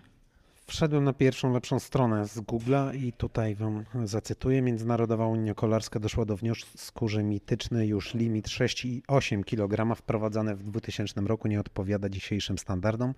Po prostu przepis po upływie 14 lat nie nadąża już z rozwojem nowoczesnych technologii. Czyli Ale to jest- 6,8. Ale to jest e, e, e, przepis wprowadzony w 2000 roku Tak. I napisane, że 14 lat później, czyli to jest w ogóle sprzed 10 lat wpis jakiś chyba trafiłeś. Właśnie nie widzę tutaj daty. Wiesz? No, ale mniejsza, mniejsza o to, no ale Tak. to jakby no, to pokazuje, jak, jak to jest bardzo archaiczne, no bo rzeczywiście 6-8 kg w 2000 roku, no to, to by rzeczywiście był wylajtowany rower, nie? A dzisiaj to tak z katalogu takie niektóre wyjeżdżają chyba. No, Tak, może Ale tak śmieję być. się, że ja go raczej nie odchudzam, bo mam go od niedawna i jakby to nie jest taki rower, o który dbam tak na 100%. E, I e, w tym rowerze są mm, pedały do gravela i jeżdżę w butach gravelowych. Także wygląda to całkiem fajnie, ale powiedzmy, że to jest bunt na moją gravelową duszę i tego się trzymam. W kontekście zbijania, zbijania wagi to muszę e, tutaj zacytować Polaka Enduraka na Instagramie, to co wam mówiłem trochę wcześniej, przed e, jedzeniem pączków. Przypomnę, mamy dzisiaj tłusty czwartek. Nie oszczędzajcie się dziś, wagę zbijecie karbonową kierą. To jest po prostu kwintesencja e, odchudzania rowerów e, o, o 10 gram czy 20 gram. O 10 albo 20 gram, ale za gruby hajs, bo wiemy, że No, to kosztuje. Było gdzieś tam powiedziane, że po, powyżej pewnego progu, który się osiągnie, odchudzenie roweru o 100 gram to jest 1000 zł. Coś, No, coś może takiego tak było. Coś takiego był taki przelicznik. No ty, Powiedzmy tak, wszyscy lubią e, dobre sprzęty, fajne zabawki, jak coś jest lekkie, ale też e, moim zdaniem jest jakaś e, granica, którą my sami sobie stawiamy. Dla mnie rower ma być sprawny, ma mieć osprzęt, e, na którym e, ja czuję się dobrze, a czy wydam za niego 5 tysięcy czy 3 tysiące, to w żaden sposób nie definiuje tego, jak jeżdżę, bo to, w jaki sposób jeżdżę, zależy ode mnie. A jesteś zdaniem. gadżeciarą? Nie. S- właśnie Słyszysz właśnie, rower ma działać, ma po prostu, wiesz... być- Rower ma być rower jest narzędziem, tylko tak? narzędziem do, takim, do takiego spełnienia marzeń, nie? Nie, no jasne, ale to już też pewnie kiedyś, kiedyś powiedziałem, że gadżety też jakoś motywują. Tylko uważam, że gadżety, które kupujemy i wykorzystujemy, a nie które kupujemy i one gdzieś lądują, nie wiem, na półce. E, Ale wiesz, ja też patrzę to pod kątem tego, że ja zawsze jak zaczynam jakąś pasję, to zaczynam e, zazwyczaj od czegoś dla początkujących. Więc wiesz, ja przez trzy lata przerobiłam e, e, trzy rodzaje rowerów, plus jeszcze doszła szosa, więc stawiając sobie co jakiś czas poprzeczkę i co jakiś czas cokolwiek zmieniając, ja widzę tą realną różnicę, a nie e, zacząć jeździć, kupić rower za 30 tysięcy i sobie myśleć teraz, że jeżdżę tak samo jak osoby, które trenują, bo mam droższy rower. Znaczy ja uważam, że to jest rozsądne, no bo Takie- dużo jest osób, które pewnie mogą sobie pozwolić na drogi sprzęt, ale co z tego, jak ktoś kupi drogi sprzęt, a na przykład stwierdzi, że to nie jest dla niego. Nie wiem, nie czuje się Takich bezpiecznie na historii rowerze. jest dużo o ludziach, którzy właśnie kupują drogie rowery, a nawet, nawet czasami nawet na nich nie jeżdżą. Kupują jako fanaberię i tyle. No pamiętam, pierwszy rower kupiłam za 1400 zł. Ten trekking. trekkingowy i przez dwa tygodnie jednak chodziłam i się zastanawiałam, czy warto było wydać tak duże pieniądze i czy ja na pewno będę jeździć, czy on będzie stał w garażu. No i nie spodziewałam się, że będę tak jeździć. Kiedykolwiek e, kusiło cię albo miałaś okazję sprawdzić, spróbować kolarstwa górskiego? E, mnie kusi spróbowanie wszystkiego, tak naprawdę, więc e, zarówno To czy już i spróbowałaś i górskiego? MT... Ostatnio chodzi za mną MTB, nie wiem dlaczego. Ale już się tylko- rozglądasz za nowym sprzętem? Wiesz, co mnie najbardziej chyba e, powstrzymuje to, że u nas jest po prostu trasa pod gravela, a na MTB nie ma tego. No nie, tak, no, nie jeździć, więc... Nie, no, znaczy, no okej, ale patrząc Nie no, na wiesz to... co, jest plan, że jak będę chciała, to pojedziemy na jakiś urlop z Kacprem i zrobimy mek na wynajęcie roweru. Bo No patrząc tak. na to, gdzie mieszkasz, to w Garwolinie, nie, przepraszam, w Łaskarzewie e, musi Jest być trasa trasa, bo Puchar jest Mazowsza się tam troszeczkę, odbywa. ale dla ultrasa Ale wiesz, co- co pojechać, innego- pojeździć 30 km po czymś, co jest takie dla mnie, nie wiem, 4 na 10, no to nie, to nie odczułabym chyba czegoś 4 na takiego. 10, dobra. Monika, pamiętaj, jak e, byś chciała kupić rower, to Paweł jest tutaj specjalistą ostatnio od podglądania strony pepper.pl. Ale to już nie tylko ja, wiesz co, to ja widzę, że to się takie hobby stało, coraz więcej znajomych mnie pisze, ty widziałeś jaka promocja? No znowu, wiesz, za pół ceny jakiś rower No, wchodzi. tylko, że ty ostatnio tam wrzuciłeś e, w dyskusji pod e, wpisie o Romecie i ja dostrzegłem chyba karbonowy Scott sztywny Tak, za 4,5 tysiąca złotych. tak, tak, tak, dokładnie. No. Już e, nie, nie, zagłębia, nie zagłębiałem się, jaki on miał tam osprzęt, na czym był zbudowany, no ale sam fakt, że karbonowa rama i 4,5 tysiąca złotych. A nawet tańsze można czasami wypatrzeć. Także naprawdę to jest, to jest niesamowite w tej chwili, to co się dzieje, jeśli chodzi o, o branżę rowerową. Także można wyhaczyć dobry rower w dobrej cenie. E, nie wiem, mm, wydaje mi się, że to wszystko było już tak strasznie e, mm, wyolbrzymione. Nie, no, napompowane było że, strasznie, że to zdań. przyszedł ten moment, kiedy ludzie zaczęli po prostu szukać alternatyw tańszych, tej samej jakości. Mhm. To musiało się stać. A ten wynajem rowerów, o którym e, wspomniałaś, to tradycyjny, analogowy, czy jednak e, elektryczny? Ostatnio byliśmy w sklepie jakimś, e, nie wiem, chyba Decathlon. E, I Ale lokowanie, ojej, trzeba będzie Ojej. oznaczyć odcinek lokowanie. Przepraszam. Nie, lokowanie jest wtedy, kiedy idzie za tym przelew.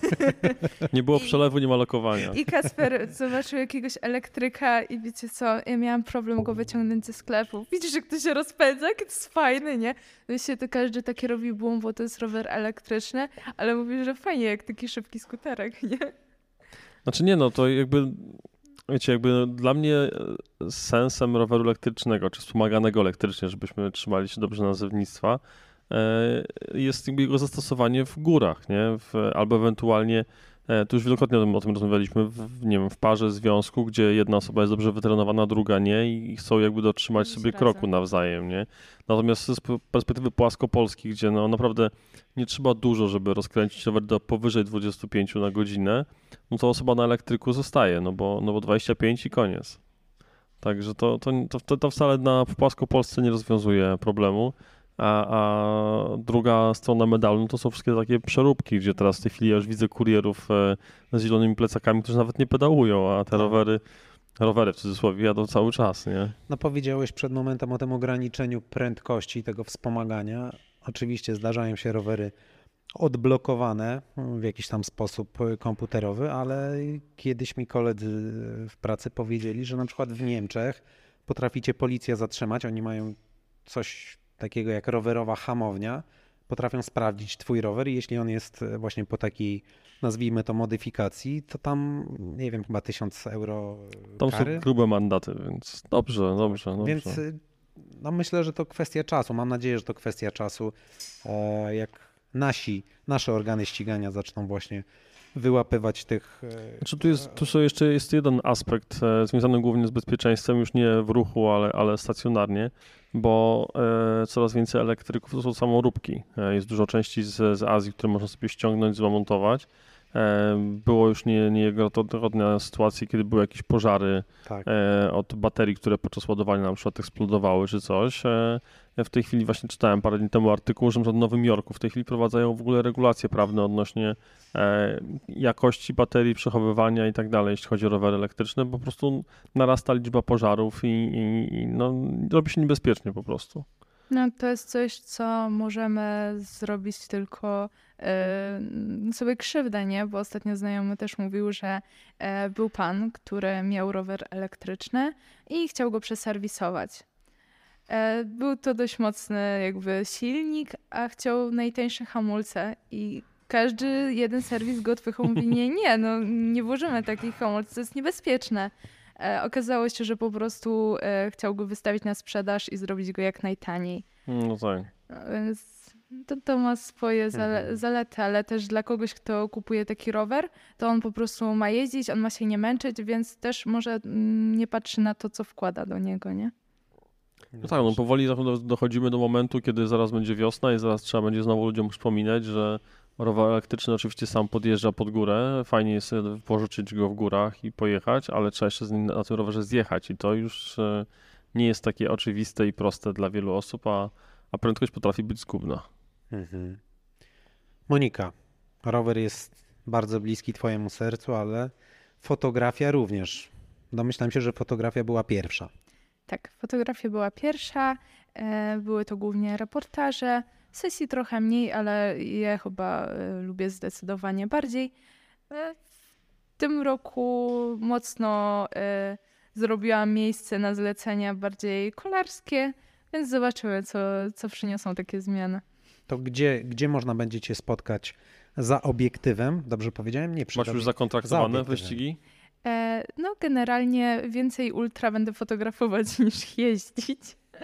ale e, to też e, jest naprawdę ciężka praca. Ale to jest chyba też tak, że mając już za sobą jakieś wyścigi ultra, dużo łatwiej jest ci spojrzeć przez obiektyw na, na uczestników i dużo łatwiej uchwycić te pewne momenty, sytuacje. Tak, ja się dokładnie jestem w stanie wczuć w moment, y, w którym widzę zawodnika. Wiem, na którym on jest kilometrze. Też jak y, szukam tych zawodników na trasie, wiem, czy ktoś miał jakieś przygody w międzyczasie, bo to też y, wiele zmienia. No i to takie wyczucie, taka nić porozumienia z tymi zawodnikami jest na pewno sporym ułatwieniem na takim zleceniu. A co jest fajniejsze w y, fotografowaniu takiego ultra?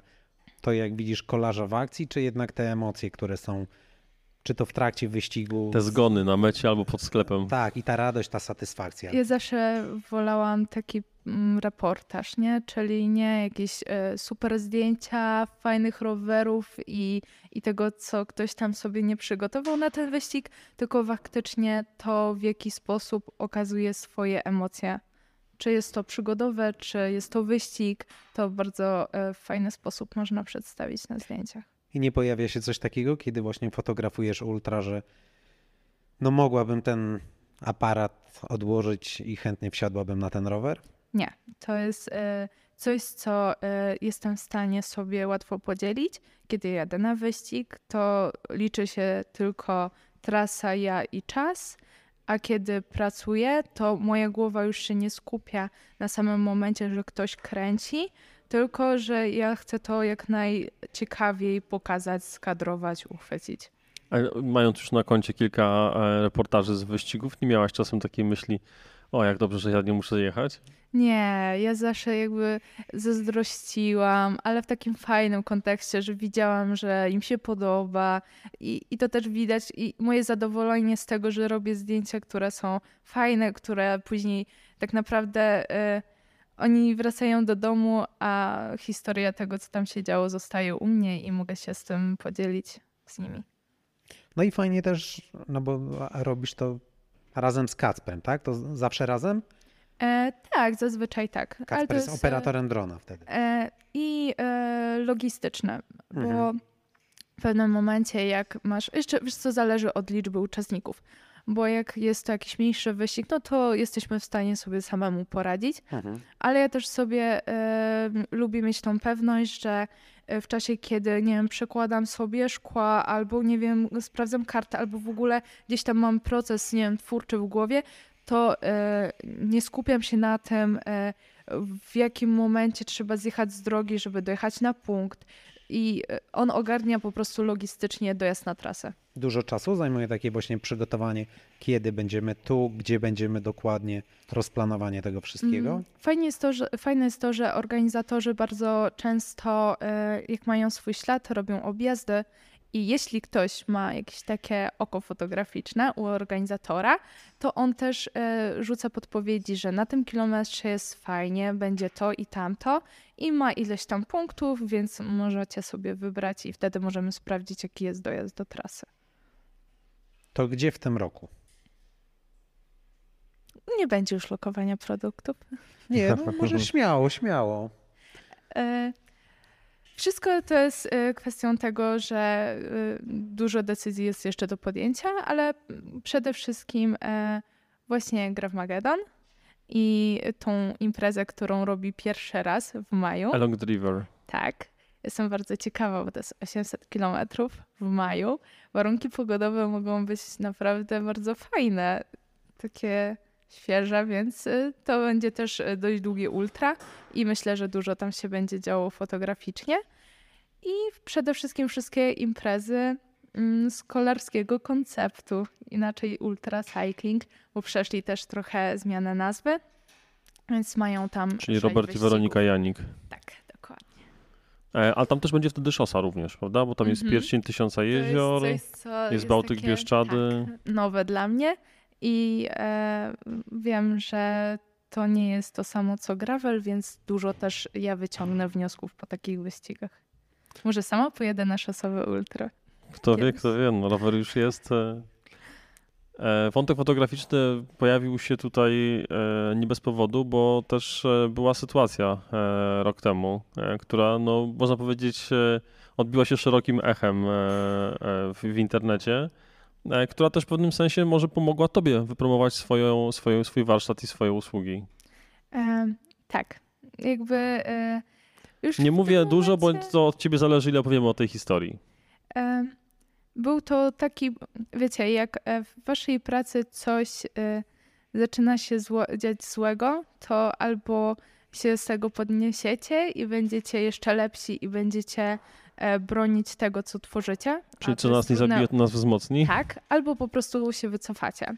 I e, ja bym się wycofała pewnie, zostałabym przy ślubach i przy chrztach jako fotograf, ale społeczność kolarska jest na tyle niesamowita, że znajomi bardzo e, mi w tym pomogli. Wiedzieli, że bardzo źle to znoszę i prosili o wyjaśnienie nie? dla uczestników. Więc ja po prostu napisałam to mm, szybko w samochodzie i tak naprawdę nie za bardzo chciałam to opublikować. Ale jak zobaczyłam, że post został usunięty na grupie tego wydarzenia przez organizatora, e, no to był taki punkt, w którym powiedziałam, że już nie odpuszczę. No i tak to się zaczęło. Bo jakbyśmy mieli właśnie tak do początku e, się przesunąć. Ty byłaś zatrudniona przez jednego z organizatorów, no, zrobiłaś zdjęcia, ale te zdjęcia organizator postanowił, w cudzysłów to biorę, upiększyć swoimi filtrami.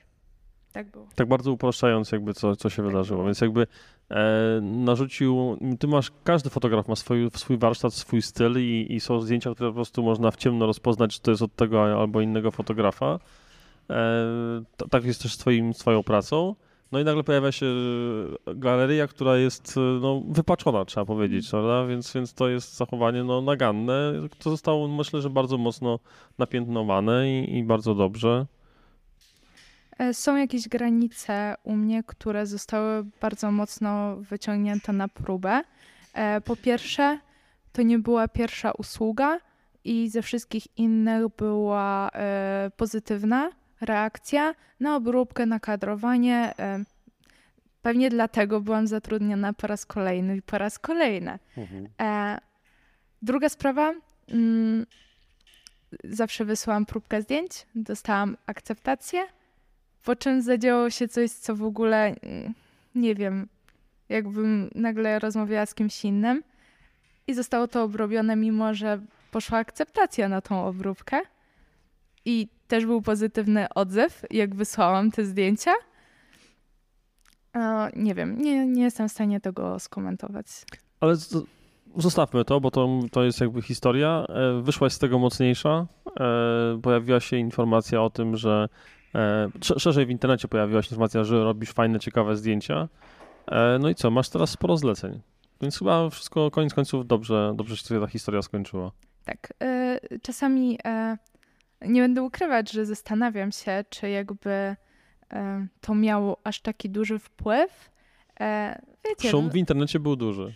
no właśnie, którego nie potrzebowałam, ale jednak internet jest Bezwzględny. narzędziem, które... M- Mi się wydaje, znaczy to co powiedziałeś, że ty szumu nie potrzebowałaś, ale wydaje mi się, że czasem takie tematy dobrze jest nagłośnić, no bo też teraz wielu innych twórców, wielu innych fotografów może być uczulonych na takie podobne sytuacje i będą wiedzieli, że nie wiem, na przykład jakiś zapis w umowie, czy, czy ustne po prostu ustalenia mają być takie, że ty jako autor zdjęcia czy materiału wideo się podpisujesz pod tym, co ty zro zrobiłeś, zrobiłaś, a nie, nie, nie dopuszczasz ingerencji osób trzecich do twojego dzieła. Znaczy to jest generalnie lekcja dla wszystkich, i dla fotografów, i dla organizatorów jakby. To myślę, że każdy, kto śledził tę sytuację, cały ten, ten wątek, e, coś z tego dla siebie zabrał. Tak, e, bardzo dużo organizatorów pisało do mnie, że no generalnie kiepsko, że wyszło w ten sposób.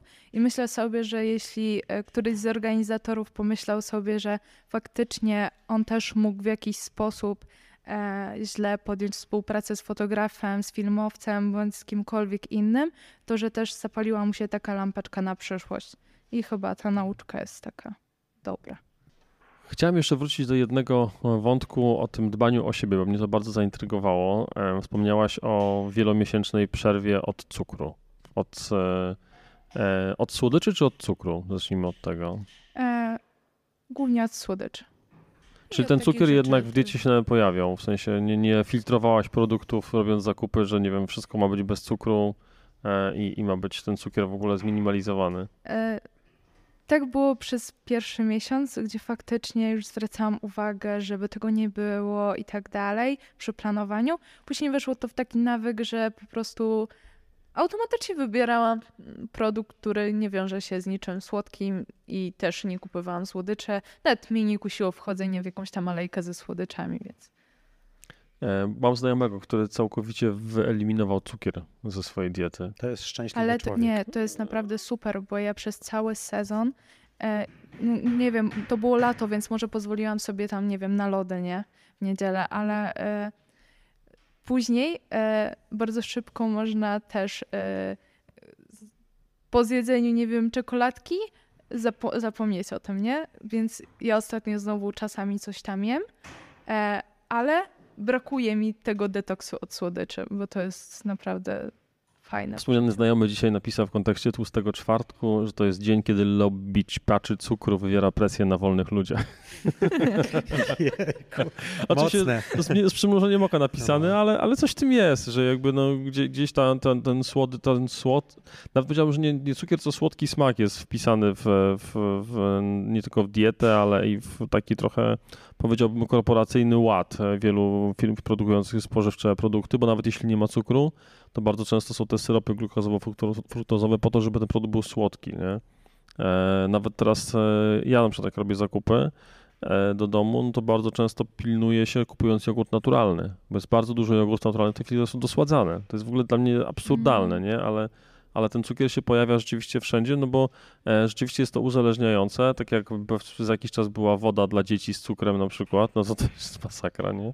E, Więc, więc no, te firmy, e, to nie jest jakaś tam sto, spisek e, globalnej korporacji, ale, ale ten cukier, ten słodki smak się pojawia naprawdę coraz częściej, coraz w większej liczbie produktów. No właśnie, to jest mnie to, przerażające. to dość że- intryguje właśnie. Ale to też jest ciekawe, co powiedziałeś o jogurcie naturalnym, bo jak zaczynałam e, trochę e, urozmaicać sobie dietę i e, ja generalnie bardzo dobrze czuję się po produktach e, białkowych, mlecznych, e, po rybach, ryżu. E, automatycznie gdzieś tam e, wyeliminowałam mięso, które po prostu mi nie smakuje Mhm. ale jem od czasu do czasu i nie widzę różnicy, czy jem, czy nie jem, więc na razie jest ok. Mm, ale jak szukałam tych zamienników, no to na przykład, nie wiem, jogurt truskawkowy, albo jakiś jogurt pitny, smakowy, albo owocowy. E, to nadal nie było to. I e, jak już faktycznie e, jogurt naturalny, wszystko naturalne i białe, to zdecydowanie inaczej można to połączyć nadal, nie wiem, z owsianką, z granolą, z owocami pełnymi, a nie tylko o smaku owocowym. Mhm. To też y, chyba nawet lepiej to smakuje, jakby już się przedstawiłam na to. No ja tu muszę oddać punkt górnikowi, który mnie nauczył i przekonał do owsianki na wodzie. Jak, kiedy ja zawsze owsiankę na mleku piłem na przykład, znaczy jadłem. I No. powiem szczerze, że bardzo chętnie do niej też teraz już teraz wracam. to nie ma znaczenia, ale jak zaczynałam, wolałam na mleku. To było takie mi fit chyba. Ja dawno, dawno temu byłem na wyjeździe do Jeleniej Góry i tam też Za górami, za lasami. Magda Sadłecka i pamiętam, że ona właśnie tak e, przyrządzała owsiankę. Uczmy się od najlepszych. Tak, z tym, że to było dawno, dawno temu, a dużo później e, to wprowadziłem, ale przyzwyczaiłem się, polubiłem i super. Ale tak bym jeszcze właśnie, skoro jesteśmy w temacie diety, jeśli możemy zapytać, jak wyglądało twoje żywienie wcześniej, a jak wygląda teraz? Jak, jak wygląda na przykład twój plan dnia? Czy jak śniadanie, jak obiad, jak kolacja? Jak to najczęściej wygląda? Mm. No to jest ciekawy temat, bo e, Jedzenie jest zawsze ciekawym jest tematem. bardzo ciekawe i sport jest Zwłaszcza w bardzo ciekawy i, i kiedy potrzebujemy takiej e, zmiany dość dużej, bo ja zawsze gdzieś e, miałam styczność z tą taką mniejszą nadwagą i czułam się z tym trochę gorzej. I właśnie rower mi w tym pomógł, ale jak zaczęłam jeździć trochę więcej, to e, też e, mm, przestałam, nie wiem, pić zupełnie napoje. Woda była takim źródłem, które był zdecydowanie lepszy. Czyli Zaczęłam... napoje masz na myśli coś gazowanego. Tak. pewnie. Słodzonego. Słodzonego. Mhm, mhm. I od tego się chyba powoli zaczęło.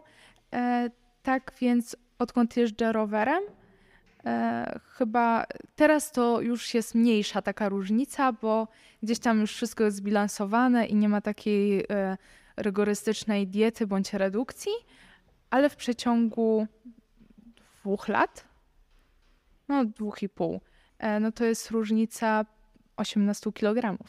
Mhm.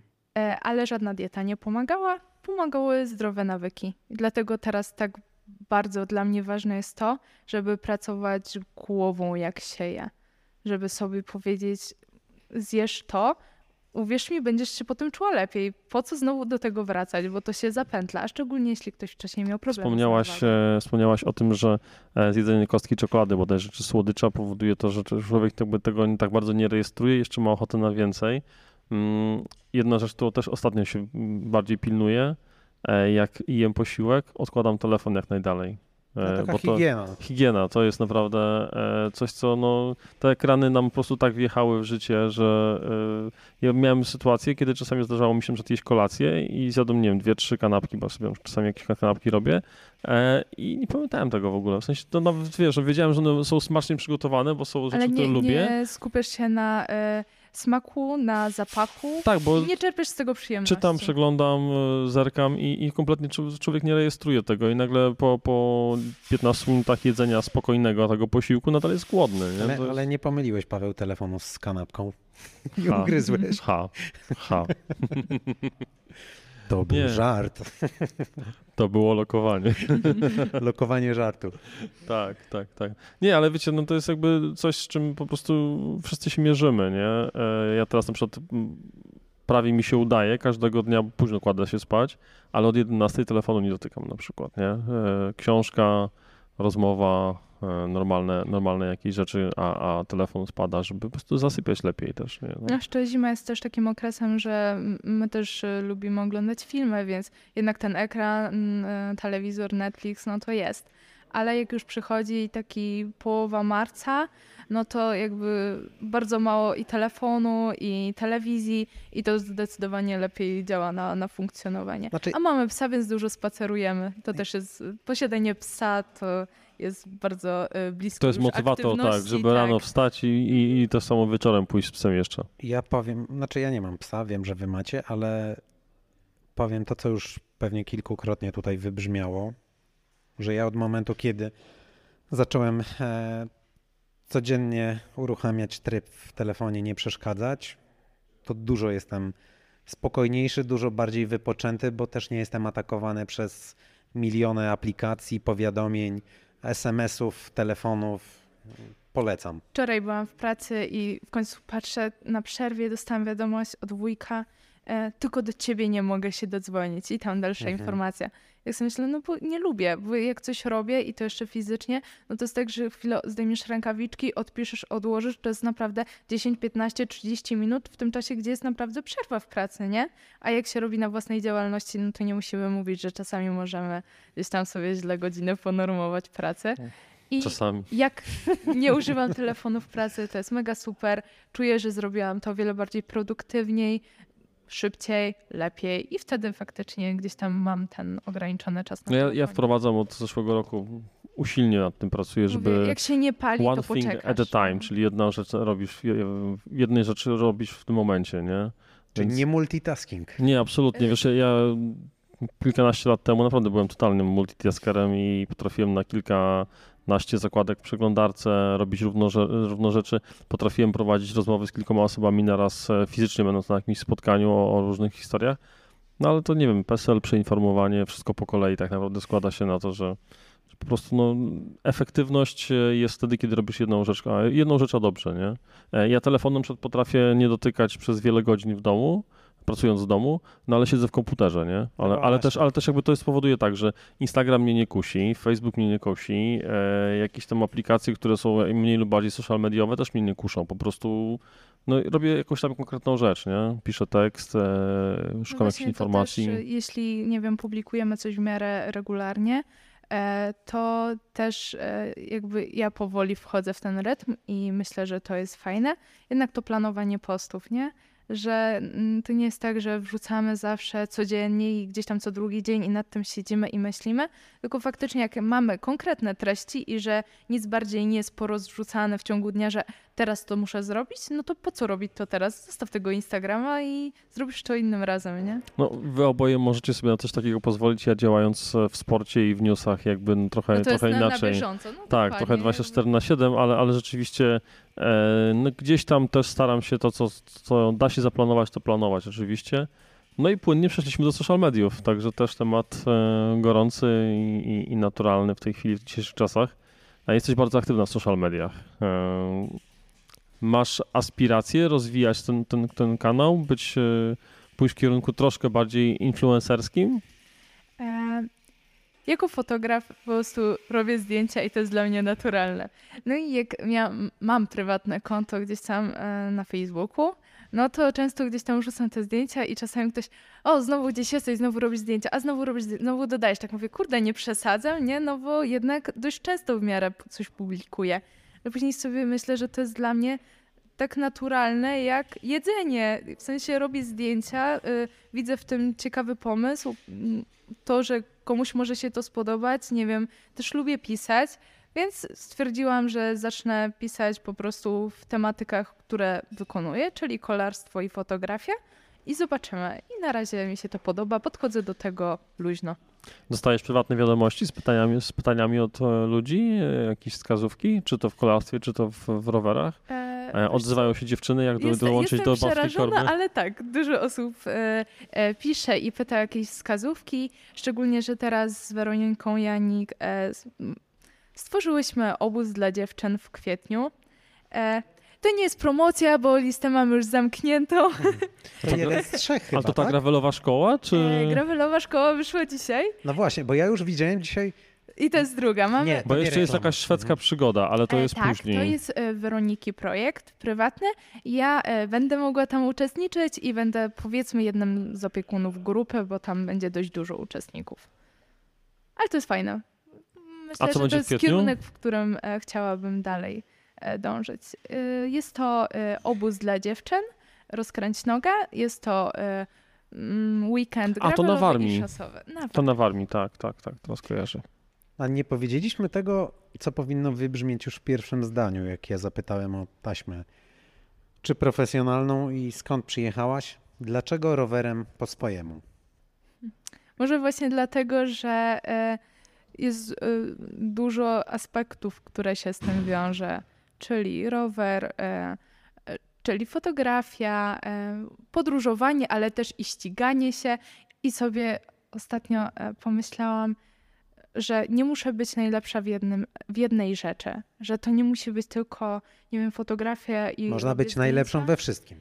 Można być najlepszą we wszystkim, albo może Nie być ograniczajmy się, chociaż na średnią we wszystkim, ale żeby robić to z pasją i żeby na przykład coś, co może nie jest e, tam moim priorytetem, e, ciągnął mnie do tego, żeby rozwijać te inne kierunki, na których zależy mi bardziej.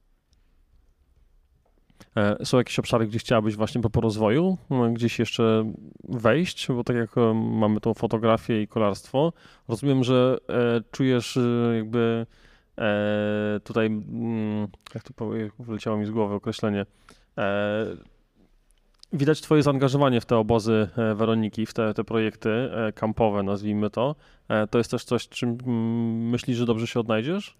E, Bardzo lubię współpracę z Weroniką, bo my we dwie jesteśmy bardzo kreatywne, że tworząc obóz, nie mówimy, że obóz będziemy jeździć, tylko to ma swój charakter, my mamy swój cel w tym i każdy jest inny. Na przykład ten gravelowy nie jest tylko dla kobiet, jest ogólny i każdy jeden projekt ma swój charakter i to jest fajnie, ciekawe, bo to jest tworzenie czegoś nowego, a nie powielanie tego, co już jest na rynku. Więc tak w tym kierunku mam nadzieję jeszcze e, się rozwinąć i myślę, że to jest dopiero początek. Czyli to pokazuje, że ta pasja ma dużo takich odnóg. Tak. E, I dzięki temu, że jestem fotografem, jestem w stanie to przepięknie zostawić na dłużej, nie? Zrobić z tego reportaż, że to nie jest tylko jeżdżenie, ale też e, to, jak to będzie się odbywać swoim okiem. Mamy jazdę, mamy fotografię, mamy obozy, mamy też od niedawna kanał na YouTubie. Czy jest coś jeszcze, o czym myślisz, ale potrzeba na to czasu? E, kanał na YouTubie jest e, tylko taką małą częścią tego budowania swojej pewności siebie, bo jak fotografia e, polega na tym, żeby mm, fotograf był gdzieś w cieniu, żeby nie przeszkadzał, żeby dał e, tylko takim, e, mm, ta, tak jak kamerka, nie? że jej nie widać, ale ona uwiecznia całą tą, e, cały ten charakter imprezy, wydarzenia. Tak, e, tutaj jednak e, potrzebujemy osoby, która mówi, e, która o czymś e, chce opowiedzieć. I to nadal jest tak, że e, ja jestem nieśmiałą osobą i nie potrafię mówić do kamery, a też wiem, że rozmowa jest fajna, bo jeśli mam coś fajnego do powiedzenia i też lubię rozmawiać z innymi i ich słuchać, no to to jest coś, co powiedzmy sobie trenuję.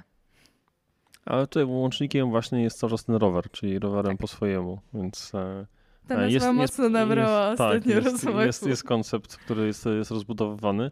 No jeśli chodzi o mówienie do kamery, to ja jestem w trochę w twa- takich samych twoich butach jak ty, bo też nie mam w sobie dużej pewności siebie i śmiałości, ale mamy tutaj guru, więc e, codziennie oglądam na storiskach Marcina, który tam pięknie opowiada i tak sobie myślę, kurde, jak ja tak bym chciał. Ja, ja, nie, nie żartuję teraz, Ale, Marcin, y, absolutnie. Ja wiem, bo ty mi kiedyś to mówiłeś, ale ja właśnie zauważyłem, że dawno nic nie mówiłem, że jakoś od tego odszedłem. E, e, chyba pora wrócić, ale ja tu się trochę dziwię, Paweł, bo ja ciebie podziwiam, bo ty masz na przykład taki dar, nie wiem, do Będziemy przeprowadzenia. wszyscy podziwiać. Tak, O, jak pięknie. O, jak miło, słodko jak się zrobiło. słodko. Nie no, ale też ci to kiedyś, jakbym powiedział, wypomniałem, to byłoby to coś pejoratywnego, ale e, powiedziałem o tym, to jest na plus, jak ty chociażby po zawodach na gorąco z zawodnikami przeprowadzasz wywiady na żywo i sam powiedziałeś mi kiedyś, jak dobrze pamiętam, że ty się wtedy wyłączasz, nie interesuje cię to, co się dzieje dookoła, jesteś ty, ten zawodnik, e, twoje pytania i to fajnie wychodzi. Ale to znowu teraz odbiję do Moniki, bo Monika właśnie jak mówisz o zdjęciach, opowiadasz historię, zamykasz to w jakimś reportażu. Ja też tak naprawdę jak e, staję z kamerą i mikrofonem przed zawodnikiem, to ja daję jemu przestrzeń, żeby opowiedział swoją historię. Ja mu powiedzmy podpowiadam e, pytaniami, kieruję nim, tak jak ty ustawiasz obiektyw, ostrość e, i, i tak dalej, ale to ten aktor jest po drugiej stronie, ja nie jestem tym aktorem, nie? To jest kwestia no, tego właśnie, że ja uważam, że wiele osób ma do powiedzenia bardzo fajne historie. E, też ten podcast jest po to, żeby opowiadać historie ludzi, a nie e, o nas cały czas. E, chociaż samotna ucieczka to jest bardziej o nas, mniej lub bardziej, ale, ale, ale generalnie jakby to, że właśnie zapraszamy tu ciekawych ludzi i opowiadają oni swoją historię. Dajemy tą przestrzeń. Moim zdaniem też e, to bardzo nas rozwija, więc e, ja im więcej mówię, tym więcej później się wyłączam i mam jakiś pomysł, nie? To tak nachodzi, jak mówisz na głos swoje myśli, swoje jakieś przemyślenia, to nagle to wszystko zaczyna się łączyć i tak powstają na przykład nowe projekty. A będziesz słuchała później tej rozmowy, czy nie lubisz oglądać filmów ze sobą, e, swoich zdjęć, na których ty jesteś, czy właśnie jak gdzieś udzielasz wywiadu, to odsłuchiwać tego później? Mm, Będę słuchać, bo wiem, że muszę to przetrawiać e, m, za każdym e, zdarzającym się pretekstem. E, Pamiętam, jak dopiero gdzieś tam zaczęłam nagrywać i to udostępniać. Tak, mój mąż generalnie nie siedzi, nie śledzi Instagrama. No ale jak tak zaczął obserwować, mówi, faktycznie coś tam wrzucasz i tak dalej, więc zaczął to oglądać. No i raz włączył sobie stories i akurat mówiła. Ja tak mówię, weź to wyłącz.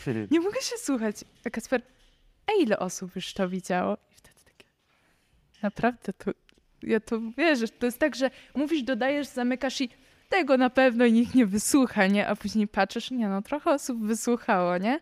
Że jednak e, trzeba mieć świadomość tego też, co się mówi. E, i tego, że ktoś cię słucha i zapamiętuje. Taka trochę odpowiedzialność w internecie, nie? A wracasz też do jakichś swoich materiałów po czasie, żeby na przykład dostrzec to, w którym miejscu jesteś teraz i jaki poczyniłaś progres?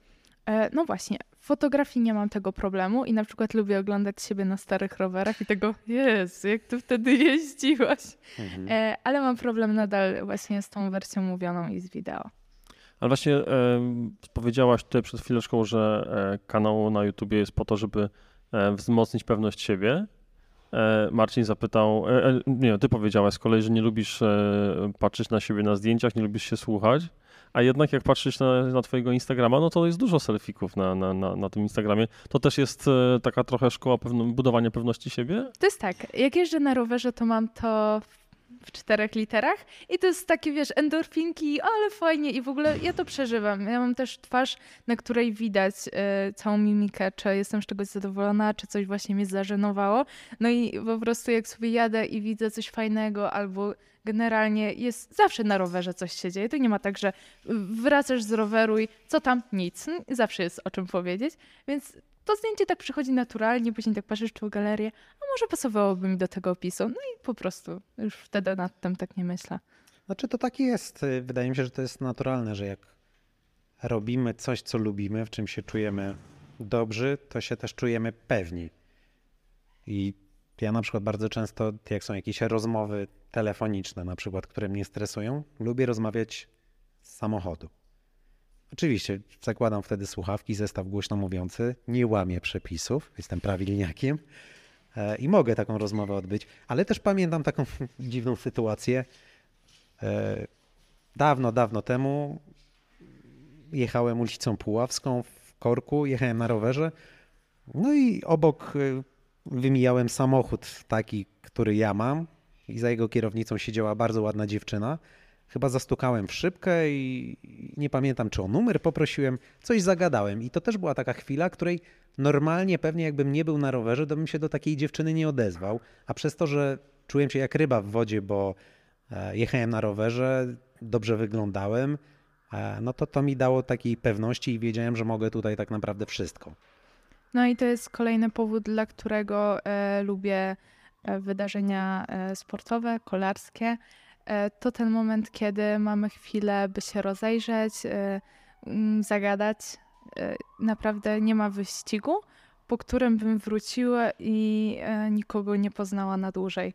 Naprawdę to się rodzą historie. No, głównie na ultra, ale na takich wyścigach jednodniowych też zostają nawiązane takie relacje, a później jeśli faktycznie... Ja lubię osoby, które prowadzą konta i faktycznie luźno do tego podchodzą, publikują swoje starty. To też jest motywujące i chyba też dlatego to robię. No właśnie też to wczoraj koledze z serwisu rowerowego, do którego oddaję rower, e, tłumaczyłem, że no ja czasem dostaję wiadomości, że ja kogoś motywuję, że ja kogoś inspiruję, ale to nie jest tak, że to działa w jedną stronę, bo ja też mam profile, które obserwuję, czy znajomych, czy nieznajomych i oni też nakłaniają mnie oczywiście nie w sposób bezpośredni, chociażby do tego, żeby, nie wiem, odłożyć tę czekoladę, wsiąść na ten rower, poruszać się. Tutaj duży ukłon teraz. Mam nadzieję, że słuchasz e, nas. E, Maćku Mycielski. E, Chwała Ci za ten challenge, żeby być przez 366 dni aktywnym. Dzisiaj mamy 8 lutego. Na razie stuprocentowa skuteczność. Brawo. Brawo ty, Brawo Marcin. ja. Nie Paweł. mogę się pochwalić tą skutecznością, ale jestem skuteczny w jedzeniu pączków. Zasygnalizowałeś dyskretnie, że zmierzamy do brzegu. Czy ja jeszcze mogę coś powiedzieć? Ile Tak. mam jeszcze czasu na osi? No, no tyle, żebyś coś powiedział. no to powiem wam, że jutro jest ostatni dzień Piątek, 9 lutego. Tak, jutro jest ostatni dzień, kiedy nasza aukcja wośpowa działa, a tak naprawdę pół dnia, bo ona się kończy, jak dobrze pamiętam, o godzinie 11.12. Więc jeżeli chcielibyście tutaj na miejscu dzisiaj Moniki zasiąść, Monika miała pączka, wy będziecie mieli pizzę, wcześniej z nami pójdziecie na rower, to wiecie, gdzie znaleźć naszą aukcję do dzieła i mamy nadzieję, że w dowolnym tak naprawdę terminie spotkamy się i fajnie pogadamy i fajnie spędzimy czas. Monika powiedziałaś mi parę minut temu, e, że to dopiero początek. E, Rozmowa dobiega końca, ale e, rok się zaczyna, sezon się zaczyna, początek twojej kolejnego roku twojej kolarskiej przygody, fotograficznej, organizatorskiej, także będzie bogato, będzie się działo. Tak. Tak. Tak będzie, Tak. obiecuję. E, Tego Ci życzymy. Dziękujemy Ci za poświęcony czas, że przyjechałaś do nas. E, Mam nadzieję, że e, zainspirujemy parę dziewczyn, przynajmniej chociażby dziewczyn, do tego, żeby na rowery wsiąść, żeby zadbać o siebie, zadbać o zdrowie, bo to jest fundamentem i bez tego ciężko się cieszyć, cieszyć czy to kolarstwem, czy jakąkolwiek inną formą aktywności. I żeby żyć pasją. Pasja. Pasja. Dziękujemy. Dziękujemy. Bardzo. Cześć.